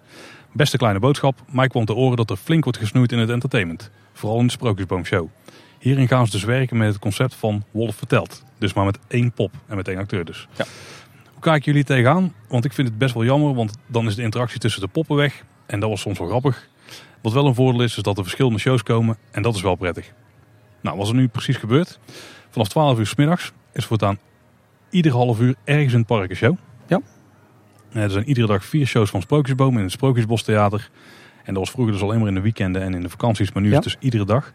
Uh, overigens was het in het laagseizoen was het uh, om de dag volgens mij of zo. Maandag. Ja, alleen woensdag en vrijdag. Ja, zoiets inderdaad. Ja. Hetzelfde geldt voor Joki en Jet. Maar nu dus vertaald met alleen Joki of Jet. Uh, en als er sprookjesbosbonus bij de entree staat, dan is er altijd nog maar eentje. Ja.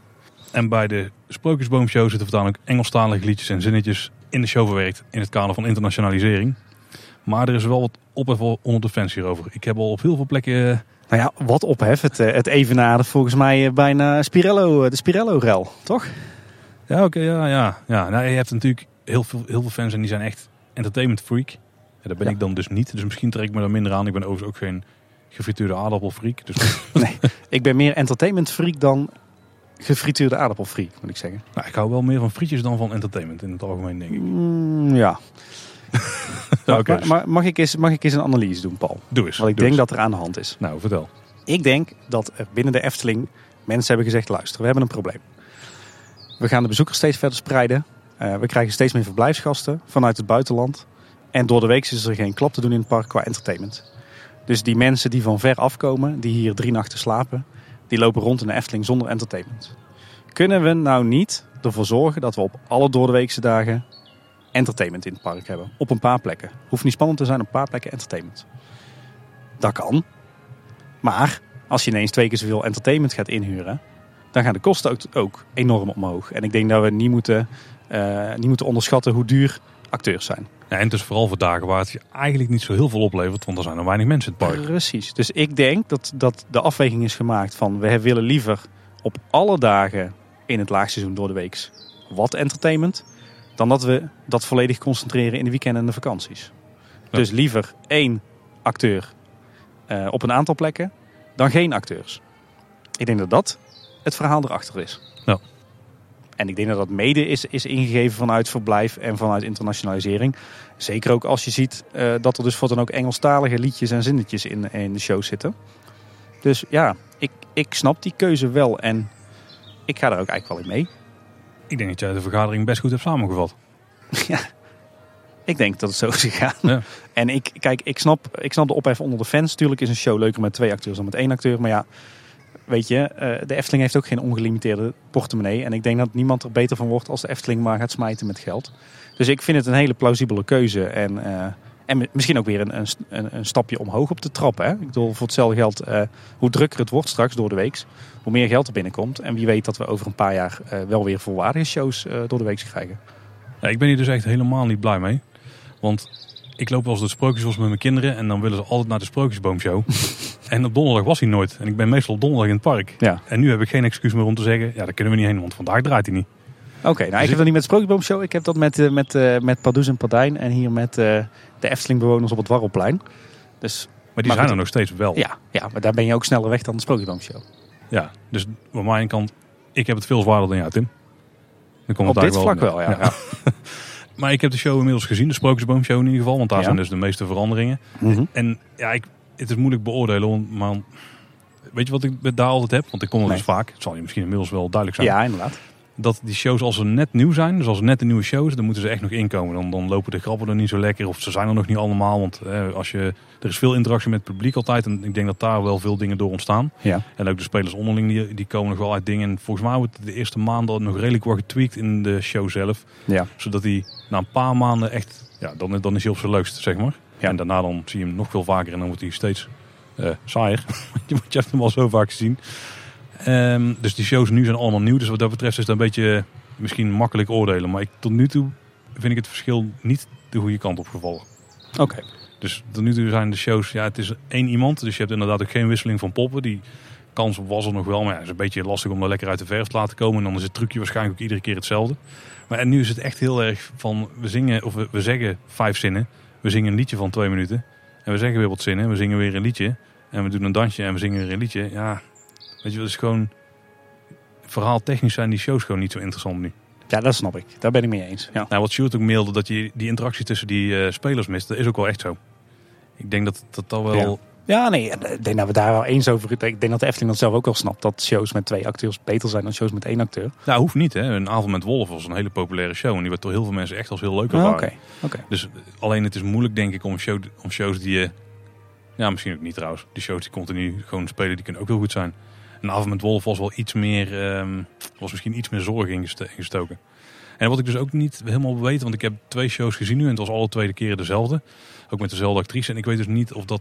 Want ik hoorde dus dat er meerdere shows waren. En ik dacht dat er meerdere shows op één dag zelfs waren. Of verschillende shows Ja. dus. Dus dat iedere show op ieder uur dat dan een ander showtje is. Zodat je zelfs in één dag gewoon vier keer in het theater kunt zitten. Nee, dat is iets voor jou, God Paul. behouden me.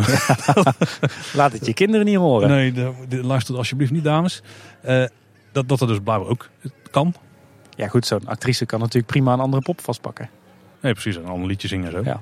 Dus als, kijk, er zullen natuurlijk man- en vrouwenshows zijn. Want de mannen die gaan niet met assenpoester rondlopen. Wat de is dat nou weer voor eh, 2018 opmerking, Paul? Nee, dat is waar. Het kan wel. Het kan, ja. maar ik denk niet dat daar is wat gebeurt. En dat, wat dat betreft snap ik ook wel de teleurstelling bij een hoop mensen. Want wat dat betreft is het er wel echt op achteruit gegaan. Kijk, inderdaad, als jij door Ja, de ja, week ja. zit in februari, ja, dan heb je shows. Ja, liever iets dan niks, toch? Dan. Ja, daar is inderdaad wel een beetje... Een beetje Dat is, zo moeten we dit volgens mij zien. ja, dat klopt, ja. Weet je wat me pas lijkt? Ik heb geen idee, Tim. Ravelijn met één acteur. Ja, de Ravelijn met één acteur. Ja. Nou, als we Draconicon hebben, dan eh, maakt dat in ieder geval heel veel goed. Maar dan kan hij wat wilberrollen spelen. Dat Thomas even van het, eh, nou weet ik niet meer hoe ze heten. Maurits is het ook eentje? Ja, dat is de Oh, groene. daar valt niet tegen. Dat Thomas even van het eh, uit beeld verdwijnt, dat Maurits er terug komt rennen. Moet je wel heel snel omkleden. Ja, precies. Worden ook leuke, leuke gevechten ook. nou goed, maakt niet uit. Weet je wat? We gaan het eh, niet meer over entertainment hebben. Ik vind dat het, eh, dat het, eh, dat het moet groeien nog. En laten we maar eens naar het volgende onderwerp gaan. De oude tuffers zijn een onderhoud. Hey, dat, is een, dat is een onderwerp wat ons dan toch weer net wat meer ligt, toch? Dat zal geen verrassing voor jou zijn, denk ik. Nee, precies. Ja, daar zijn ze flink bezig. Eh, de vorige Ja, jij, jij zegt dat nou, maar het valt mij, ik ben er een paar keer wezen kijken. Het valt mij op dat daar een soort van serene rust over die bouwplaats hangt. Daar gebeurt voor mijn gevoel helemaal niet zoveel. Nou ja, sinds de laatste keer dat wij het erover hebben gehad, is het ook best wel wat gebeurd. Ja, maar dat had, het is moet, niet je moet echt... het in de grote stappen zien. Hè? Niet in de stappen van een dag, maar in de stappen van twee weken, bijvoorbeeld. Om maar een interval te noemen. Ja, het, valt, het valt mij gewoon op dat het gewoon allemaal... eh, dat er gewoon veel hetzelfde blijft en dat het eh, kleinschalig Ze werkt. zijn er inderdaad niet met 50 man tegelijk bezig. Nee, ik denk dat het grootste deel op dit moment de Carnaval Festival zit van de mensen hier intern. En dat de rest, eh, dat, ja, daarnaast lopen er nog een paar buiten een beetje rond. Hè? Ja, maar goed, ho- hoeft ook niet. Hè? Ik bedoel, je hoeft niet per se alles op zijn kop te gooien om een, eh, een goede nieuwe attractie neer te zetten. Nee, maar toch is er al redelijk wat gebeurd. Want er is bijvoorbeeld nieuwe rails aangebracht in. Ja, heb ik gezien. En er zijn een paar scènes geplaatst al. Ja, inderdaad. Heb ik ook gezien. Ik heb, eh, eh, want daar, daar waren wij nog een beetje over aan het speculeren. Er zijn volgens mij twee scènes weggezet nu. Een kar met kippen, die ziet er op zich eh, mooi uit. Mhm. En een kapotte auto. Ja, en wat voor auto is het, Tim? Ja, wat blijkt nu? Het is toch een echte oude tuffer. Oude, Ja. oude tuffer. Een blauwe volgens mij. Ja, een blauwe. Misschien stond er ook een blauw op de rotonde vroeger. Ik noem het een rotonde, maar die grote bocht aan het einde. Mm, durf ik niet te zeggen. Dit is echt zo'n Efteling pubquiz vraag. Die, Ja, precies. Jij hebt helemaal geen zak aan mij dan. Maar eh, het is, de sto- het is niet de auto van de tekening van Karel, maar het is echt een, een ode aan de oude tuffer. Volgens mij hebben ze hem wel een beetje gesmotst. Ja, ze hebben hem een beetje smerig eh, gemaakt. Ja, ja. Nou, eh, ja, ja. Ik ben, ik ben nog wel benieuwd hoe het eruit gaat zien. Is het je opgevallen bij beide scènes dat daar een, ja, zo'n controlekast in de buurt staat? Of in Ja. ieder geval, het lijkt, Ja, het ja, lijkt ja, zo'n, kast die langs de weg staat af en toe. Ja. Het zijn natuurlijk van die foto's die zijn gemaakt met de telelens. Dus dan kan er heel erg vertekenen. Maar ik ben toch wel, of ik hoop wel dat die een beetje buiten beeld blijven als je Ja, daar er, er zullen wel wat struikjes voor worden gezet. Ja, zoiets. Ja. Er viel mij trouwens wel op dat ze van de week achter de halve maan aan het knutselen waren aan de persluchtleiding. Van de Efteling, de ringleiding. Dus ik denk dat, eh, dat eh, deze animatronics op perslucht gaan werken. Ja, dat leek het wel op. Ja, er zaten cilinders die dan denk ik de, de oude tuffel laten bewegen en die ook die kar laten Ja. bewegen. En wat ook al zichtbaar is, is het mechaniekje waarmee de vogelverschrikker gaat draaien. Ja, heb ik ook eh, gezien. Op Ja. de berg staat. Ook wel tof. Ja, en, en verder is er ook veel eh, eh, normaal onderhoud ge- gepleegd. Hè. Het, het schilderwerk van de automobielreparateur die ziet er weer heel fraai uit. De belettering is ook weer aangebracht. Er werd ook heel veel houtwerk vernieuwd. Onder meer het, het, het dak van die schuur waar dat, dat rare, ja, dat rare, die rare oogstmachine of zo in staat. Dat werd helemaal vernieuwd. Ja. Er werd nog steeds volop geschilderd. En er is zelfs al nieuwe beplanting aangebracht rond de rails. Bij de rotonde. Ja, er gebeurt bijna niks hè. Het gaat heel rustig daar. Ja, daar heb je me te pakken. Ja, en ik, heb, ik kan er wel nog steeds niet helemaal de vinger op de juiste plek leggen hoe het, eh, hoe het uitstapgebied ernaar uit komt te zien. Of eigenlijk het hele station. Want Er is een soort nieuw hokje geplaatst. Ik weet niet of dat die, Ja. al, dat die daar vast staat. Maar er staat aan de rechterkant van het gebouw staat nu ook een klein hokje. Maar die staat Ja. iets meer naar de, de buitenkant van de attractie ja, toe ja. eigenlijk. ja, precies. Volgens mij gaan ze inderdaad de, de uitgang en de ingang een beetje, een beetje mee husselen. Ja, ik neem aan dat er ook een dubbel uitstapstationnetje komt. Want er is een dubbel instapstation. ja. Dus zou logisch kunnen Ja, aan zijn. de andere kant uitstappen gaat sneller dan instappen misschien. Hè? Ja, en, die huidige tuff misschien ook niet zo heel snel. Want dan moet het haakje van het Ja. kettingje moet los. Ja. En je moet eh, een beetje eruit, want het is niet zo ruim. Ja, maar volgens mij gaat het met die nieuwe tuffers wel anders hoor. Wel beter. Ja, ik hoop het wel. Want dat was wel een van de dingen die te veel opstopte. Ja, ja eigenlijk het, hetgeen waar we nu nog het meest benieuwd naar zijn. eh, en misschien weten we dat al tegen de tijd dat deze podcast uitkomt. Want dat, dat gebeurt vaak. Maar ik ben toch wel vooral benieuwd naar de ontwerpen van de voertuigen. Ja, dat, eh, ik denk niet dat we die nog voor dat deze podcast uitkomt, dat we die dan nog te horen krijgen. Want meestal brengen ze hem midden in de week uit. Ja, dat, dus dat nu vrijdagmiddag laat. Dat wordt lastig, hè? Ja, Ja, precies.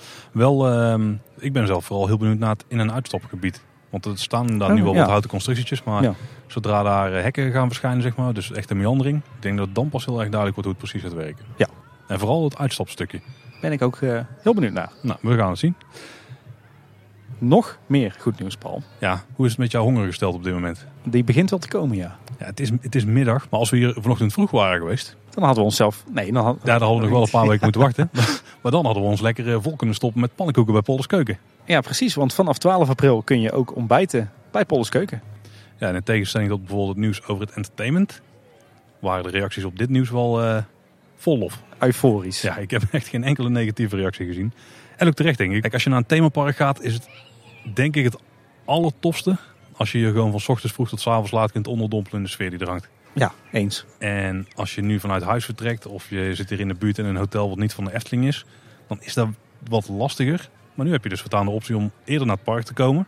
Want een uur voor opening kun je dus al bij Pollers Keuken terecht. dan kun je daar gaan ontbijten. Ja, ja de, de openingstijden van de Efteling worden langzaam maar zeker steeds verder opgerekt. Hè? Ja, en dan is Polles Keuken ook niet een hele slechte plek om te gaan zitten trouwens. Nee, dat is sowieso een van, nou, misschien wel mijn favoriete restaurant in de Ja, hele wereld ik- van de Efteling. Ik denk, ja, ik denk dat dat wel op dit moment bij mij ook, ja. ja. Ja, even, eh, zal ik jou eens even doen watertanden, Paul? Oh, nou, ze vallen er nu al bijna uit. Je krijgt dus, eh, als je een ontbijtje neemt bij Polles Keuken, krijg je American pancakes. Je krijgt er Mhm. drie op je bordje. En er is keuze uit een aantal varianten. Je hebt eh, de, de pancakes naturel met boter en ahornsiroop. Dat is Mhm. volgens mij zoals ze hem origineel in Amerika eten. Je hebt de pancakes met vers fruit van het seizoen. En je hebt pancakes met uitgebakken spek. Mhm. Maar je kan ook nog een combinatie kiezen van alle pancakes. En je kan ook nog toppings toevoegen zoals Nutella en kaas. En verder zijn er ook nog gekleurde pancakes met aardbeiensaus en witte chocoladekrullen.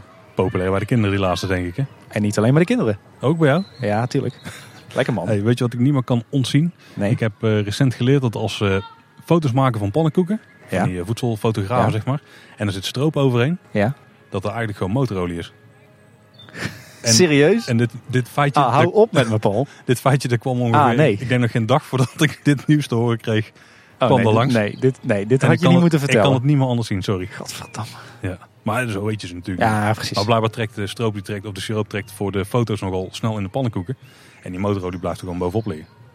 Nou, weer wat Nou ja, weer wat geleerd. Hey, als je nou denkt dat is te ongezond, zul je mij niet snel horen zeggen, dan kan je eh, ook eh, verse groenten en fruitshakes in diverse smaken eh, bestellen. Er is ook een yoghurt met granola en verschillende soorten vers fruit. En je kunt ook een koffie met een mini appeltaartje bestellen of een familietaartje van roze soezen met slagroom. En volgens mij is het zo dat je tot 11 uur komt, kunt ontbijten. En dan vanaf half 12 kan je weer gewoon de, de normale kaart bestellen.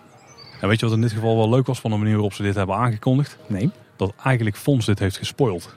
echt waar? Die had op zijn Instagram namelijk een foto gezet die ochtend. Ja. Toen hij het ontbijt aan het testen was. Oh, En cool. toen dacht ik al van, dit is gewoon Polles keuken. En volgens mij, maar ik, heb het toen, ik had geen tijd om een berichtje op Twitter te plaatsen van, wat is dit nou? maar Fons die, eh, die had het gewoon al eh, eigenlijk een beetje voorge, voorgezegd. Hè. Oké, ja, ik, heb geen Instagram, dus dan, eh, het viel mij wel inderdaad op dat het bij het bericht bij Loopings foto van Jurgen stond. Ja, dat was die foto. Ja, Ja. ja. ik heb geen Instagram, dus dan mis je dat hè. Ja, nou, je mist er niet zo heel veel aan verder. Oh, jawel, die mist natuurlijk onze toffe account die we daar hebben. Waar we heel veel mee doen. Ja, dat doen we, zeker- dat doen we best wel veel mee. Best, Oh, dat gaat- daar doen we best veel mee. Dat gaat volledig langs mij heen. Hey, eh, we hadden het al opgemerkt, maar het, het staat inmiddels ook in de krant. De lente Efteling is weer begonnen. Staat dat in de krant? nee, niet echt. Oh, oké. Maar in- inderdaad, dat staat wel in de krant. In het Brabants Dagblad. Oh ja, ja. nou ja er, er stond meer een artikel in dat ze bezig zijn met het aanplanten. Hm. Eh, want er gaan nu 45.000 voorjaarsplanten de grond in. eh, zoals violen, anemonen en muurbloempjes. En in mei volgt dan het, het zomergoed. Vlijtige liesjes, begonia's, afrikaantjes en salvia's. En eerder werden al eh, 80.000 bloembollen gepoot. Hoppatee. Dat was een beetje wat er in de krant stond. Ja, daar hebben ze ook een persberichtje van rondgestuurd inderdaad. Ja. Overigens eh, moet ik zeggen, ik heb dat, eh, dat artikel op de blog ook gelezen. Dat, dat, daar gi- ging over wat meer. Het ging ook over eh, de hanging baskets en de vogelhuisjes en dergelijke. Maar er stond voor mij eigenlijk weinig nieuws in. Inmiddels niet meer, nee. Want we hebben pas geleden, of ja, wat is zal het zijn, een half jaar geleden, en natuurlijk een, een uitgebreide wandeling door het park gemaakt met Mario Dieltjes. En ja, eigenlijk werd dat daar allemaal ook al in verteld. Ik weet niet hoe lang het gelezen, maar ik weet wel dat het toen nog koud was. Dat is waar. En nu niet meer. Overigens eh, viel mij ook op van de week dat er eh, overal hard wordt gewerkt aan de aanplant. En dat ze sowieso eh, druk bezig zijn met schoffelen en harken en vegen. Dus er wordt volop gewerkt door de GroenDienst. Nou, dat moet. Zullen we verder gaan naar onderhoud? Ja, wat een onderhoudende mededeling, Paul. Ja, want Villa Volta die was op 9 maart weer geopend na vijf weken storing. Ja. Inmiddels wel overigens weer een enkele keer in storing gevallen. Dus hopelijk niet hetzelfde probleem. Nee, precies. Ehm, wat wel te zien is, is dat in eh, zeg maar de zijwand van de, ja, de schommel waar je op zit, zeg maar, de, eh, dat die provisorisch is dichtgetimmerd met, eh, met houten plaatjes. Dus blijkbaar heeft het probleem toch in de as of in de spoel gezeten. Zoals ons al werd verteld door een oud-medewerker. Eh, maar ja, laten we hopen dat het wel nog netjes wordt, wordt hersteld. Verder we nog een anoniem berichtje. Eh, en eh, diegene die schrijft, overigens was me nog opgevallen dat de bankjes bij het Witte Paard, bij het nieuwe pad tussen Laaf en de zijingang, nu gemetselde muurtjes met een plank zijn. En niet meer de verzetbare banken. Datzelfde is nu het geval op het Vliegende Hollanderplein. Ga maar eens kijken. Ik heb mij niet, niet heel goed opgelet eigenlijk. Eh, dan hebben we natuurlijk ook nog het onderhoud aan rep repelsteeltje. Ja, Wij waren allebei heel erg benieuwd waarom repelsteeltje nu al aan de beurt was. Maar ik denk dat ik het inmiddels weet, Paul. Oh, Want ik heb allerlei foto's gezien van Eftelingse Straat en van Jeroen 2. Eh, en wat blijkt nou? De oude boomstam, eh, die was gemaakt van een soort stukgaas. Ja. Met daarop polyester gesmeerd. mhm. Dus die was zeg maar hol, zonder echt een, eh, een vaste constructie. Dus ik, ja, ook een beetje flexibel misschien. Ik kan me voorstellen dat, die, eh, dat daar beweging in zat, waardoor hij gaat scheuren, waardoor er allerlei lekkages optraden.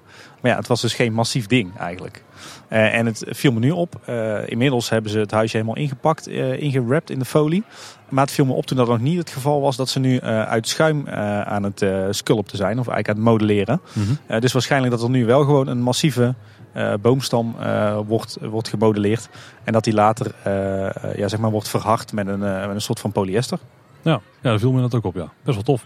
Ja, dus dat verklaart eh, waarschijnlijk de reden waarom dat hij nu eh, ineens in onderhoud is. Maar er komt dus een volledig nieuwe boom bovenop.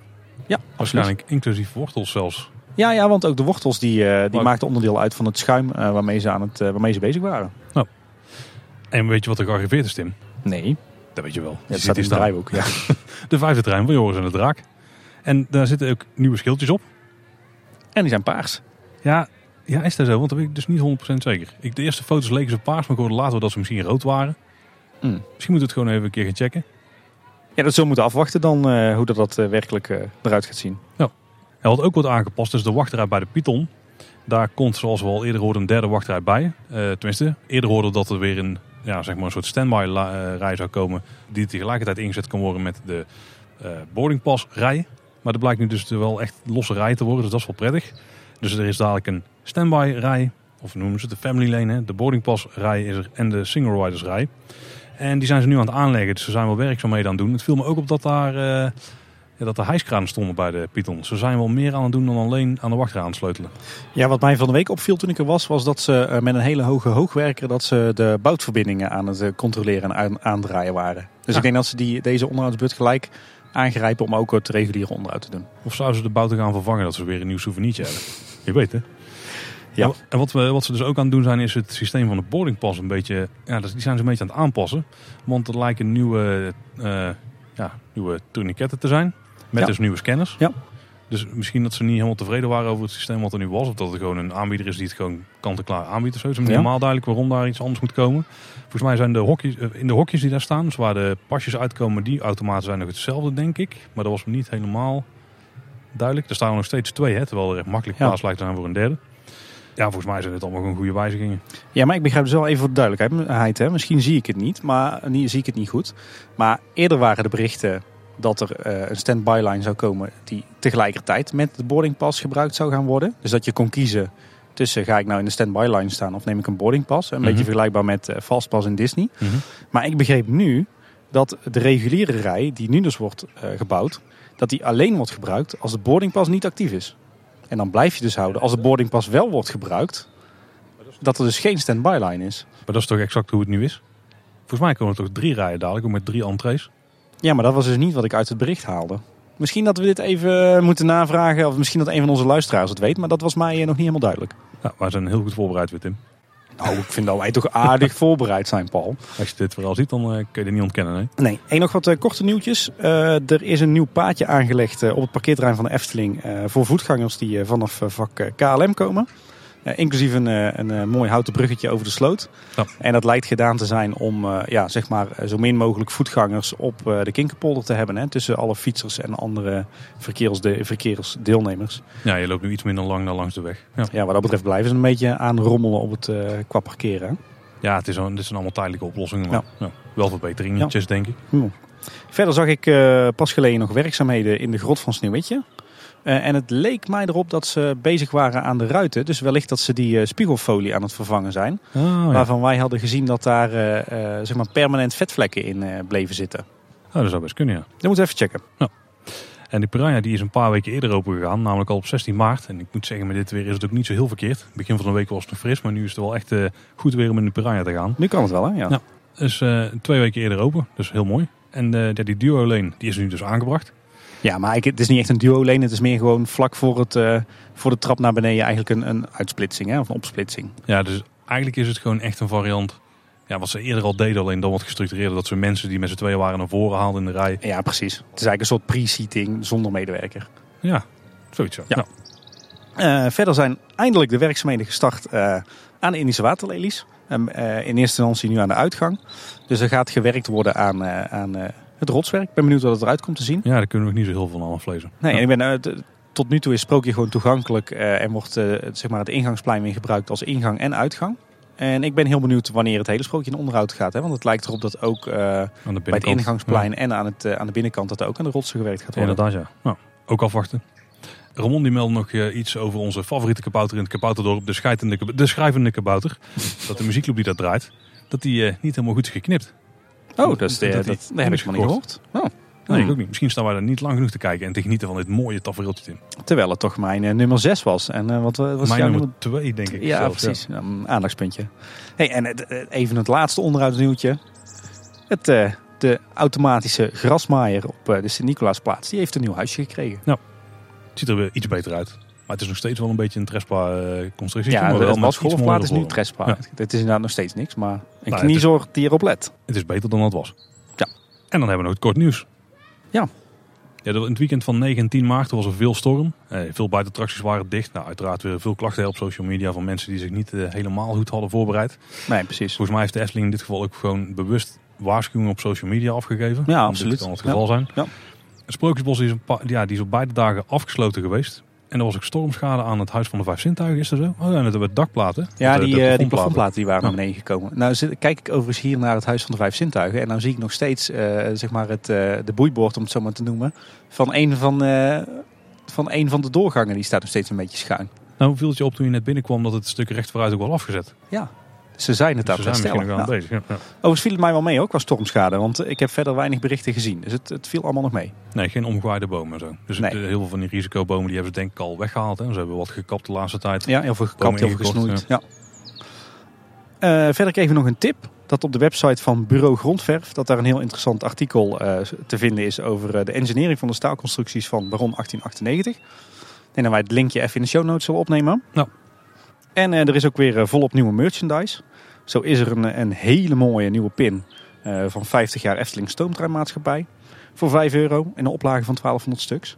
Ik weet dan aan eh, in ieder geval één vriend en één luisteraar van ons die sowieso moest hebben. Maar ik vond hem er echt vrij uitzien. En eh, de Sprookjesprokkelaar vertelt, het nieuwe boek van eh, Paul van Loon en eh, prinses Laurentien, eh, ligt nu ook in de winkel voor 1850.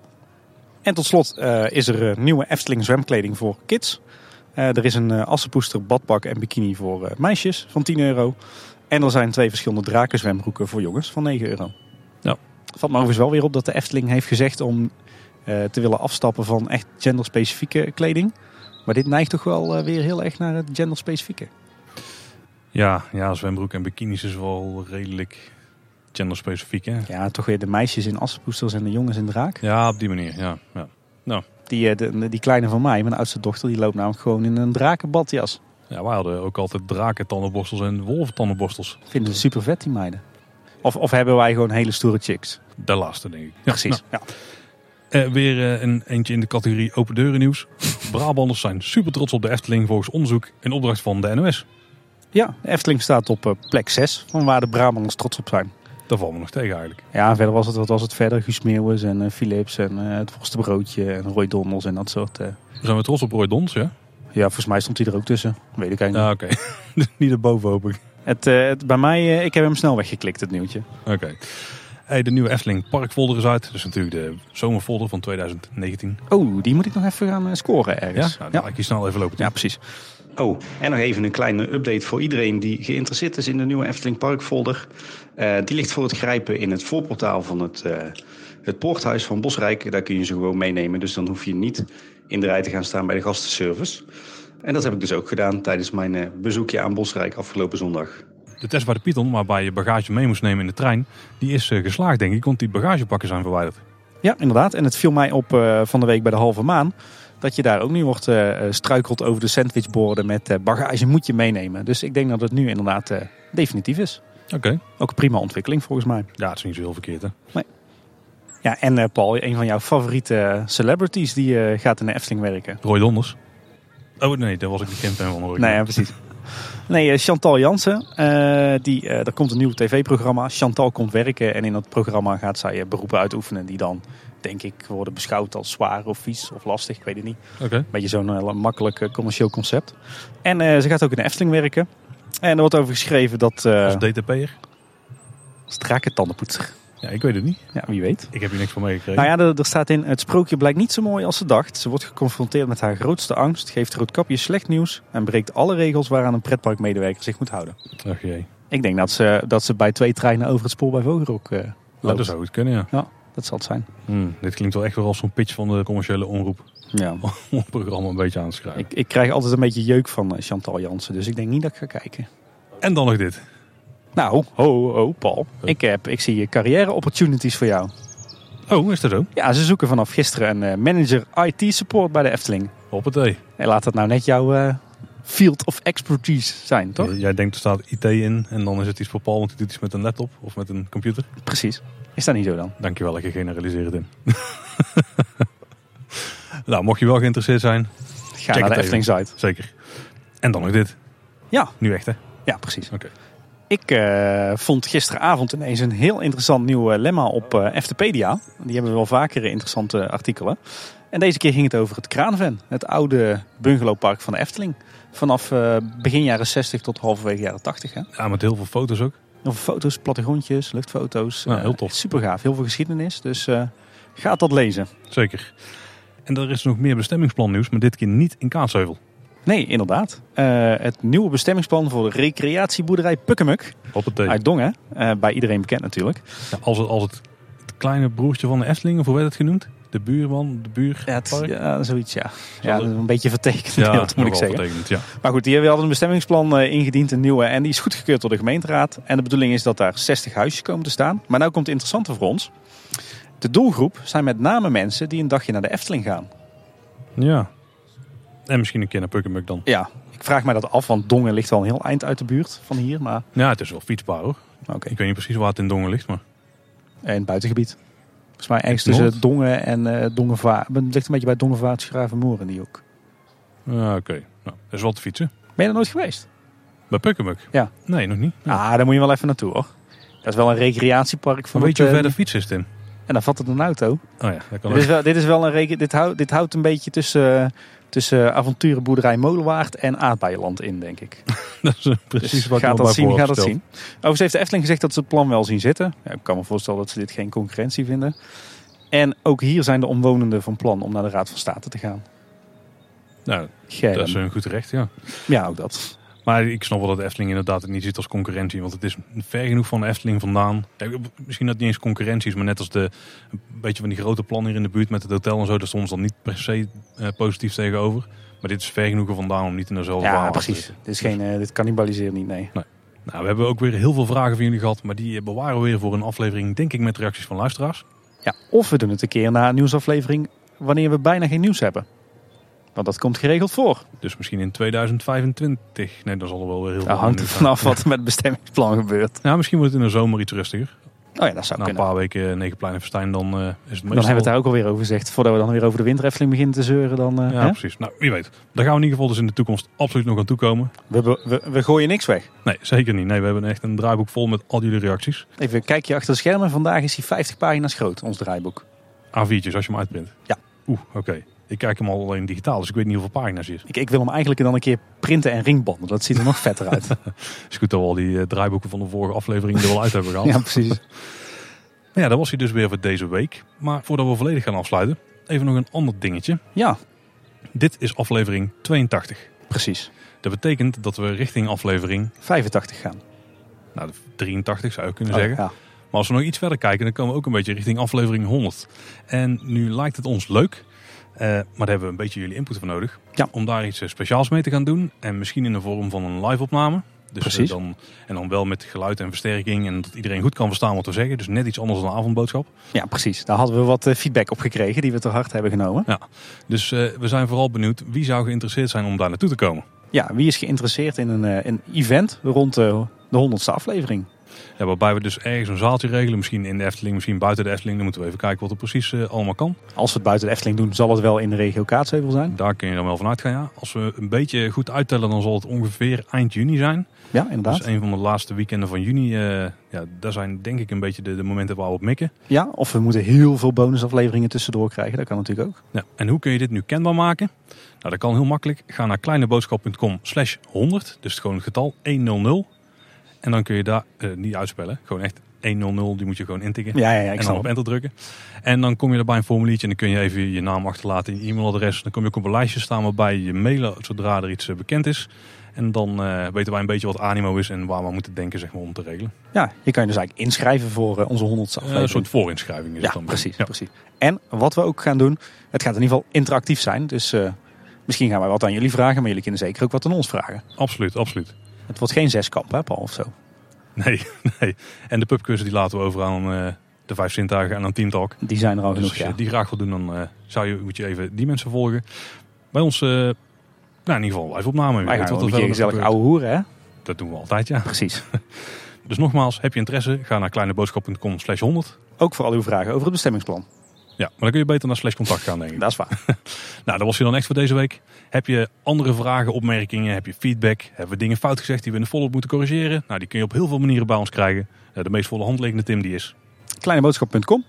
Ik dacht eigenlijk aan Twitter. Oh, maar ja, kleineboodschap.com slash contact kan inderdaad. Of Is dat een slash contact? Ik dacht altijd eh, dat je op de, in de hoek op het knopje moest drukken en dan op contact moest klikken. Dat mag alle twee. Ligt er Ah, net aan kijk. hoeveel je wilt typen. Hey. Maar je kunt ook altijd naar Twitter gaan. Daar zijn we @kboodschap. Daar reageren we meestal heel snel. En volop, ja. En daar kun je ons ook DM'en, want we proberen iedereen terug te volgen. Eh, je kunt ons ook volgen op Instagram of Facebook. Daar zijn we gewoon Kleine Boodschap. Dus tot de volgende keer. En houdoe. Houdoe waar.